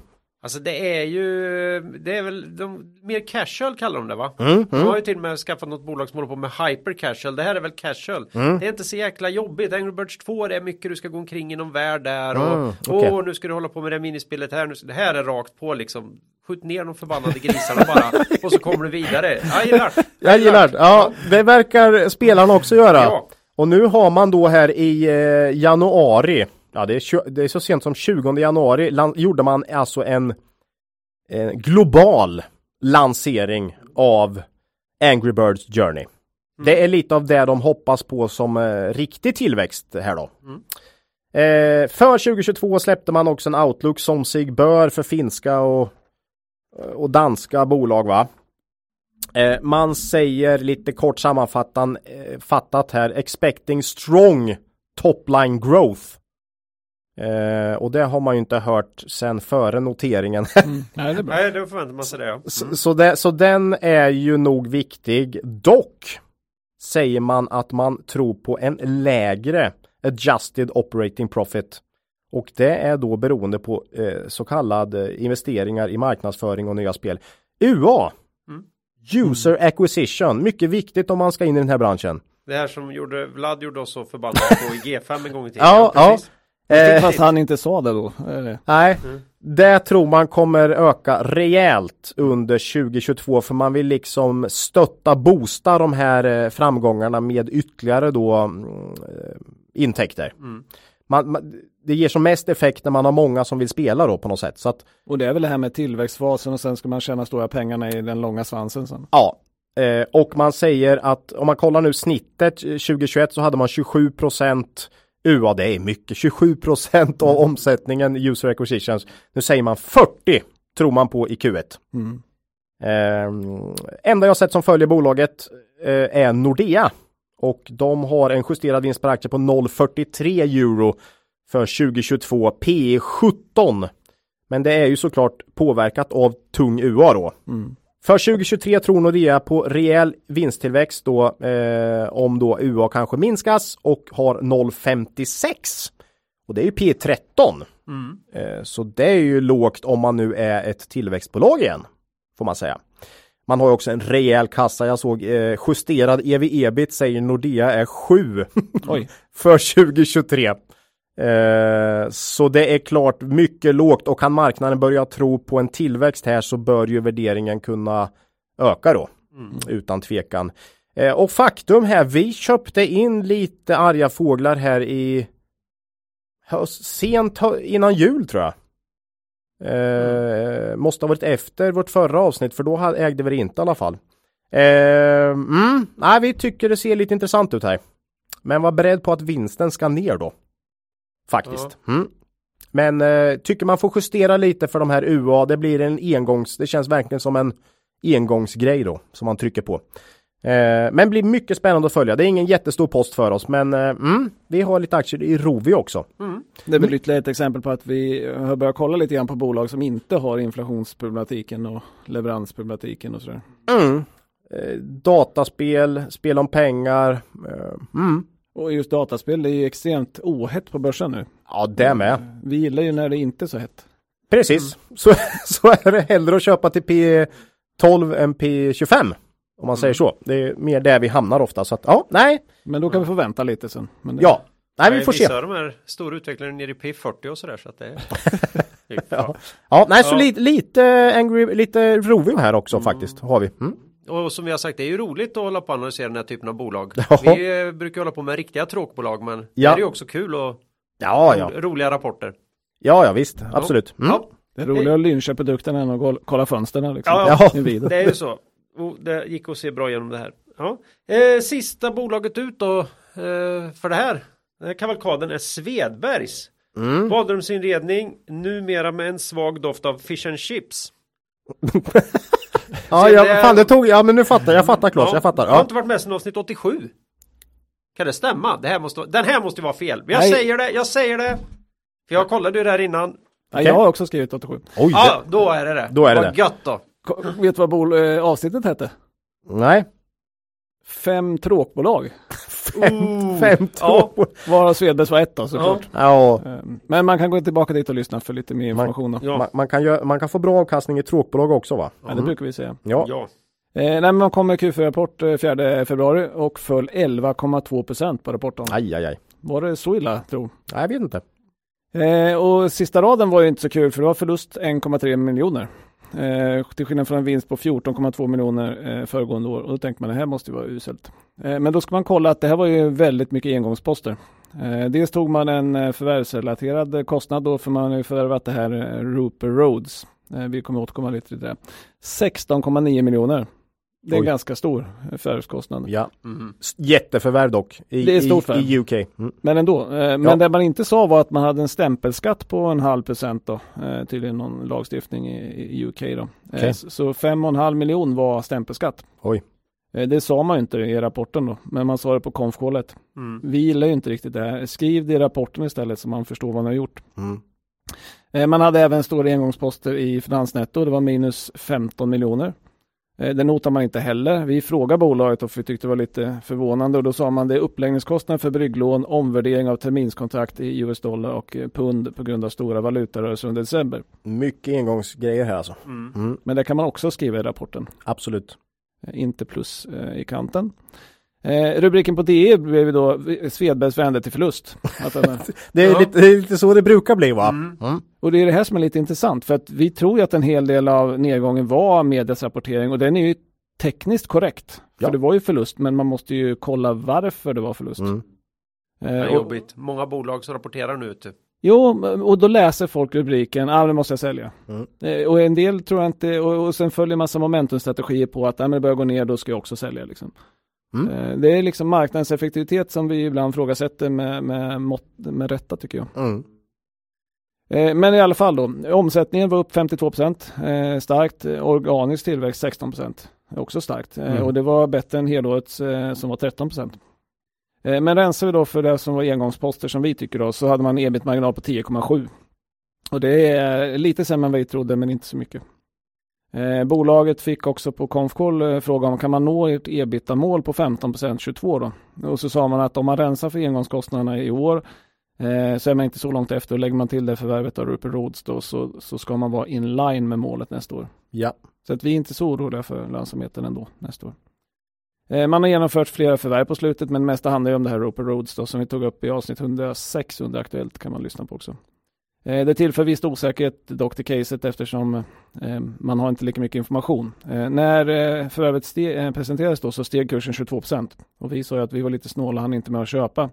Nu är man ju tillbaka på ungefär samma nivå igen. Då. Herregud vilken rusning vi var upp till 90 spänn där ja. och så ner till 64 nu igen då. Mm. Mycket märkligt rörelse ibland faktiskt. Mm. Men eh, vi ser ju positivt på förvärvet. Det är ett stort bolag. Omsättning 826 miljoner, vinst 135 baserat på de uppgifter som, man, som Svedberg ska då. Eh, dubblar i stort sett eh, förvärvet, eh, Svedbergs storlek då. Mm. Eh, vinst, ah, ja, vinst alltid, alltid lite farligt med jätteförvärv dock. Det, det, ska man ju komma ihåg det här med eh, ett litet förvärv kan skapa lite skada, ett stort förvärv stor skada om det skulle bli, gå, inte gå så bra. Då. Verkligen. Men också stora möjligheter om det blir rätt här nu då. Ja. Liksom också att, att hålla, hålla verkligen vara var på plats i UK nu då när de ställer sig vid sidan av EU här är ju jätteintressant. Ja, alltså. och kolla VBG, Mobile Climate Control, vilken ja. super, så att gör du ett mm. jätteförvärv som blir bra så blir det ju extremt bra. Så att, ja. Mm. Och här får man väl lite lita på ledningens information hittills då. Eh, även om det kommer komma mer information sen som vi ska läsa. Mm. Eh, sen hade man ju lite otur då, väljer vi att tolka det som i Q4-rapporten då med Rupert Roads. För man var med bara i december. Eh, mm. och då hade man en omsättning på 47,3 miljoner men ebita på minus 1,2 miljoner. och det där spädde ut marginalen en hel del. Men man sa att december är det klart sämsta, den klart sämsta månaden för just Rupert Roads. Och, men att det går via plan och ja, att det ska bli bättre helt enkelt. Mm. Eh, så det råkar bli just den sämsta månaden som kommer. Eh, men vi tror, vi litar tills vidare på ledningen och att det var så. Och, eh, men det här är en anledning till, till att aktien föll. Mm. Nettoskuld mot ebitda har ju gått från 1,1 till 3,3 på proforma basis. I och med att man har gjort det förvärvet då. Och man behöver stärka finanserna. Sen har man gjort det dummaste ett noterat bolag kan göra rörande kapitalanskaffning och det är att gå ut och annonsera. Vi ska göra emission senare, vi säger inte vilka villkor det är. Nej. Mm. För det, nej. Toppen. Det, det, det får ju alla avvakta liksom. Man kommer alltid kunna köpa billigare liksom. Ja. Och nu kom villkoren här. Ja, villkoren har kommit. Eh, och det blev eh, två nya på 35, eh, två nya för tre gamla på 35 kronor. Ja. Och det var lite lägre än vad vi hade, vi hade trott på faktiskt. Så det gav lite större utspädning då. Ehm, men, men jag måste bara återkomma till, liksom Millicom har gjort samma sak. Mm. Gått ut och sagt vi ska göra emission, vi tänker inte säga vad vi tänker ta in eh, liksom, aktierna på. Och det här är ju en extremt konstig situation. Man förstår inte, har de här liksom, bolagen inga rådgivare som vet hur aktiemarknaden fungerar? Nej. Ut med villkor, alltså då, e- eller så säg, alltså, säg det inte innan. Ja, eller, när du har villkoren klara, alltså du, det är bara vänta med villkor liksom. Förbered dig längre, gör en ja. riktad emission, vad som helst, gör inte så här. Nej. Det, det här är fel. Ja. Ja, men, men nu, nu, nu, är de ute så att säga. Nu är det ute. Och det är nu det ska skiljas av va? Ja, det är väldigt snart här. Ja. Vi, vi tycker generellt sett att reaktionen på marknaden var för negativ på rapporten, för så dålig var den inte. Eh, vi hade initialt en, eh, prognostiserat en emissionskurs på 50 kronor och vinst per aktie på 5,35 men nu får vi justera det här för mer utspädning då och får 4,57 mm. eh, för nästa år. Eh, P på knappt 14 på 63 kronor eh, som dagskursen är. Men då har ju vi då justerat för utspädning på emissionen och det här bolaget kommer ju gå X-rätter eh, i morgon va? Imorgon 17 va? Ja. ja. Tror det. Håller koll på dagarna. Mm. För det är 14 miljoner aktier som tillkommer här. Lite, lite mer än vad vi trodde då. Eh, lite högre osäkerhet än vanligt i och med att man har gjort det stora förvärvet. Eh, finns begränsad info. Det kommer mer info i prospektet lovar de. Eh, det kommer vi läsa för att få eh, mer information om dem. Då. You bet. Eh, men sen, så, så det är rätt vanligt att det blir lite kurspress vid emissioner för att alla vill inte teckna, vissa kanske slänger ut sina rätter och så här. Så att vi tror att det här kan ge intressanta lägen och vi kommer noga att följa det här under handeln med, med teckningsrätter och BTA för att se om vi hittar ett ingångsläge. Mm. Mm. Ja, precis. Vi har inga aktier just Här idag. kan det vara lönsamt att göra sin egen analys. Väldigt. Jag har en liten post i pensionsspar. Mm. Nej, nej, lite spännande läge i, i Svedbergs här då. Ja. Mm. Eh, det var alla bolagen. Redan? Och, eh, ja, det är Gundan. Ja. Eh, vi, vi kör tävlingen va? Mm. Nu har det då blivit dags för vår tävling här i samarbete med eh, Pinpoint vars eminenta hemsida man hittar på pinpointestimates.com. Yep. Eh, jag har med en länk där i avsnittsbeskrivningen. Vi, eh, I förra avsnittet lanserade vi den första av två estimattävlingar på plattformen. Mm. Där man skulle då gå in på Pinpoint och gissa omsättning och vinst per aktie i högaktuella New Wave. Ja. Som första bolag här då. Vi utlovade då två exemplar av Howard Marks The Most Important Thing. Med en liten hälsning från oss i podden då till, till två vinnare. Eh, nu blev ju Jakob här på Pinpoint så till sig av det stora intresset. Att vi delar ut tre böcker den här premiäromgången. Oj, stort. Eh, och närmast med sitt estimat kom eh, den lite anonyma Pinpoint-användaren Markisen. Mm. Så jag tycker borde byta till Marksman nu efter den bedriften då. Ja. Så grattis säger till honom. Ja. Eh, och utlottningen av en bok till en nyregistrerad användare. Jaha. Som la, la ett estimat här. Gick till Sara Malmström i Uppsala. Grattis. Ja, och eh, bonusboken till användaren med bäst gissning eh, på nettomsättning gick till eh, Jakob Paulsson från eh, Stockholmsområdet. Vad va kul! Ja. Oj! Så grattis säger vi till alla de här tre och böckerna kommer på posten. Ja, bra gissat får man säga också. Ja. Mm. Eller vi, vi estimerat. Ju, vi var ju långt borta här som man kanske förstod på våran ja, vi, hä, häpnad Vi tidigare. hade inte fått vår egen bok så kan vi säga. Nej, om, vi... om vi skulle ha varit med i tävlingen här. Nej. Nej. Så är men, det. Men vi skyller på att det var därför vi inte får något. ja, ja, det är enda anledningen. Enda anledningen. Ja. Eh, vi fortsätter med tävlingen eh, i ett avsnitt till. Ja. Och då ska man alltså gå in och lägga estimat på Vänersborgs stolthet. VBG. Ja, VBG Group. Mm. Ja, den är lurig med, med kostnadsinflation etc. etc. Det, ja. ja. det ska inte vara för lätt. Nej, det ska inte vara för lätt. Och det blir två böcker nästa gång. Mm. Och det är ju enligt originalupplägget. En till den som kommer närmast och en till en nyregistrerad användare. Och vi lottar ju ut naturligtvis på alla de som har nyreggat nu sen vi startade här. Ja, så även eh, de. Men mm. de behöver ju lägga ett estimat då. Ja, just det. Så även de som reggade innan den här podden är med. Mm. Men ni behöver lägga ett estimat även på VBG. Just så det. bara gå in och lägga in estimat. Ja, gå in och räkna och sen lägga in. Mm. De, ja, ja, det har de redan gjort. Ja, ja, har, har, man inte, har man inte koll på VBG tror du? Jag kan, jag kan tänka mig att VBGs VD reggar ett konto och går in och lägger en liten. jag vill ha en bok. Det med multiplikationstabellen vet du, de sa alltid om så väcker det mitt i natten ska du kunna ja. åtta, åtta, det är samma sak här. Om så väcker ja. det mitt i natten ska du veta vilken om, nettomsättning det blir. Ja. ja. Nej, skämt åsido. Bra. Eh, Länk i avsnittsbeskrivningen. Eh, registrering går enkelt och säkert med BankID. Tack säger vi till vår sponsor Pinpoint. Mm. Ingen lyssnarfråga för de hoppar vi i rapportavsnitten. Det brukar bli långt nog ändå. Mm. Nästa avsnitt är nummer 112, kommer ut den 3 mars, 3 mars och då blir det rapporter.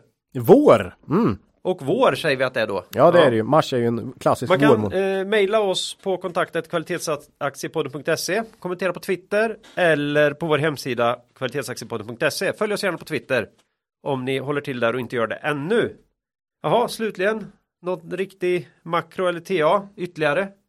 Nej. Som vi har missat här? Inte, Nej. jag kan komma på. Tomt, men du kanske har någonting? Ja, jag har en liten grej. Mm -hmm. Så här i krigstider känns det lite svårt att prata då om andra makrohändelser än vissa låtsasdemokratiers krigshetsande. Mm.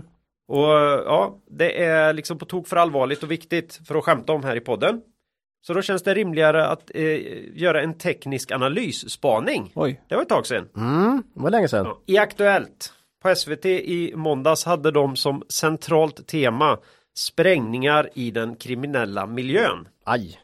Och oh. inte minst då handgranater från olika delar av världen. Här framträdde inslaget flera experter på just teknisk analys av olika sprängmedel och spränganordningar. Från det nationella bombskyddet. Mm. Ja, men min största behållning från inslaget var dock det avslutande studiosamtalet om det här eskalerande sprängvåldet.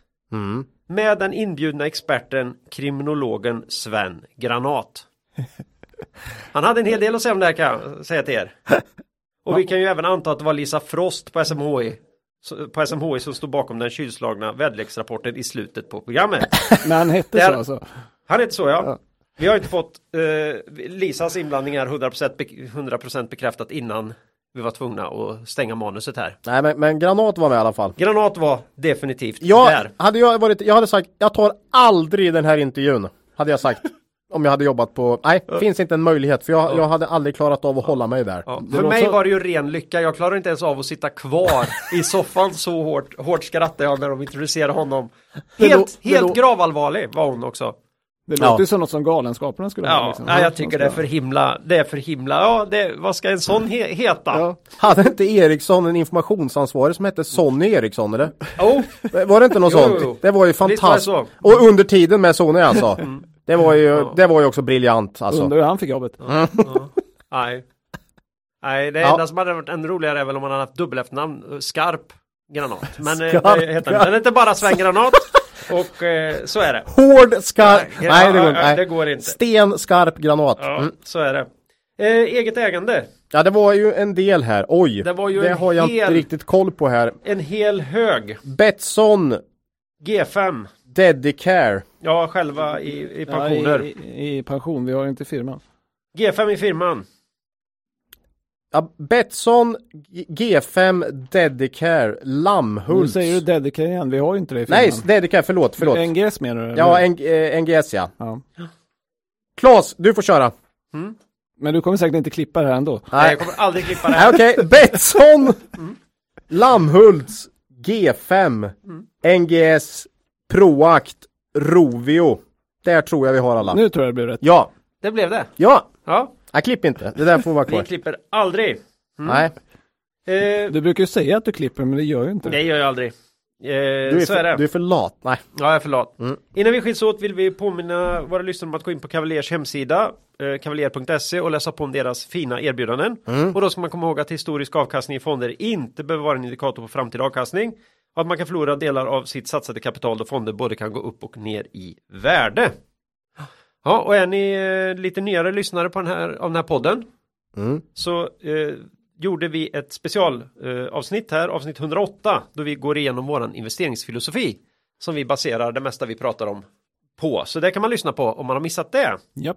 Ja. Med det så vill vi eh, säga hej då för den här gången och be er komma ihåg att det är först när tillvattnet tillbaka. Lose money for the firm and I will be understanding. Lose a shred of reputation for the firm and I will be ruthless. I welcome your questions.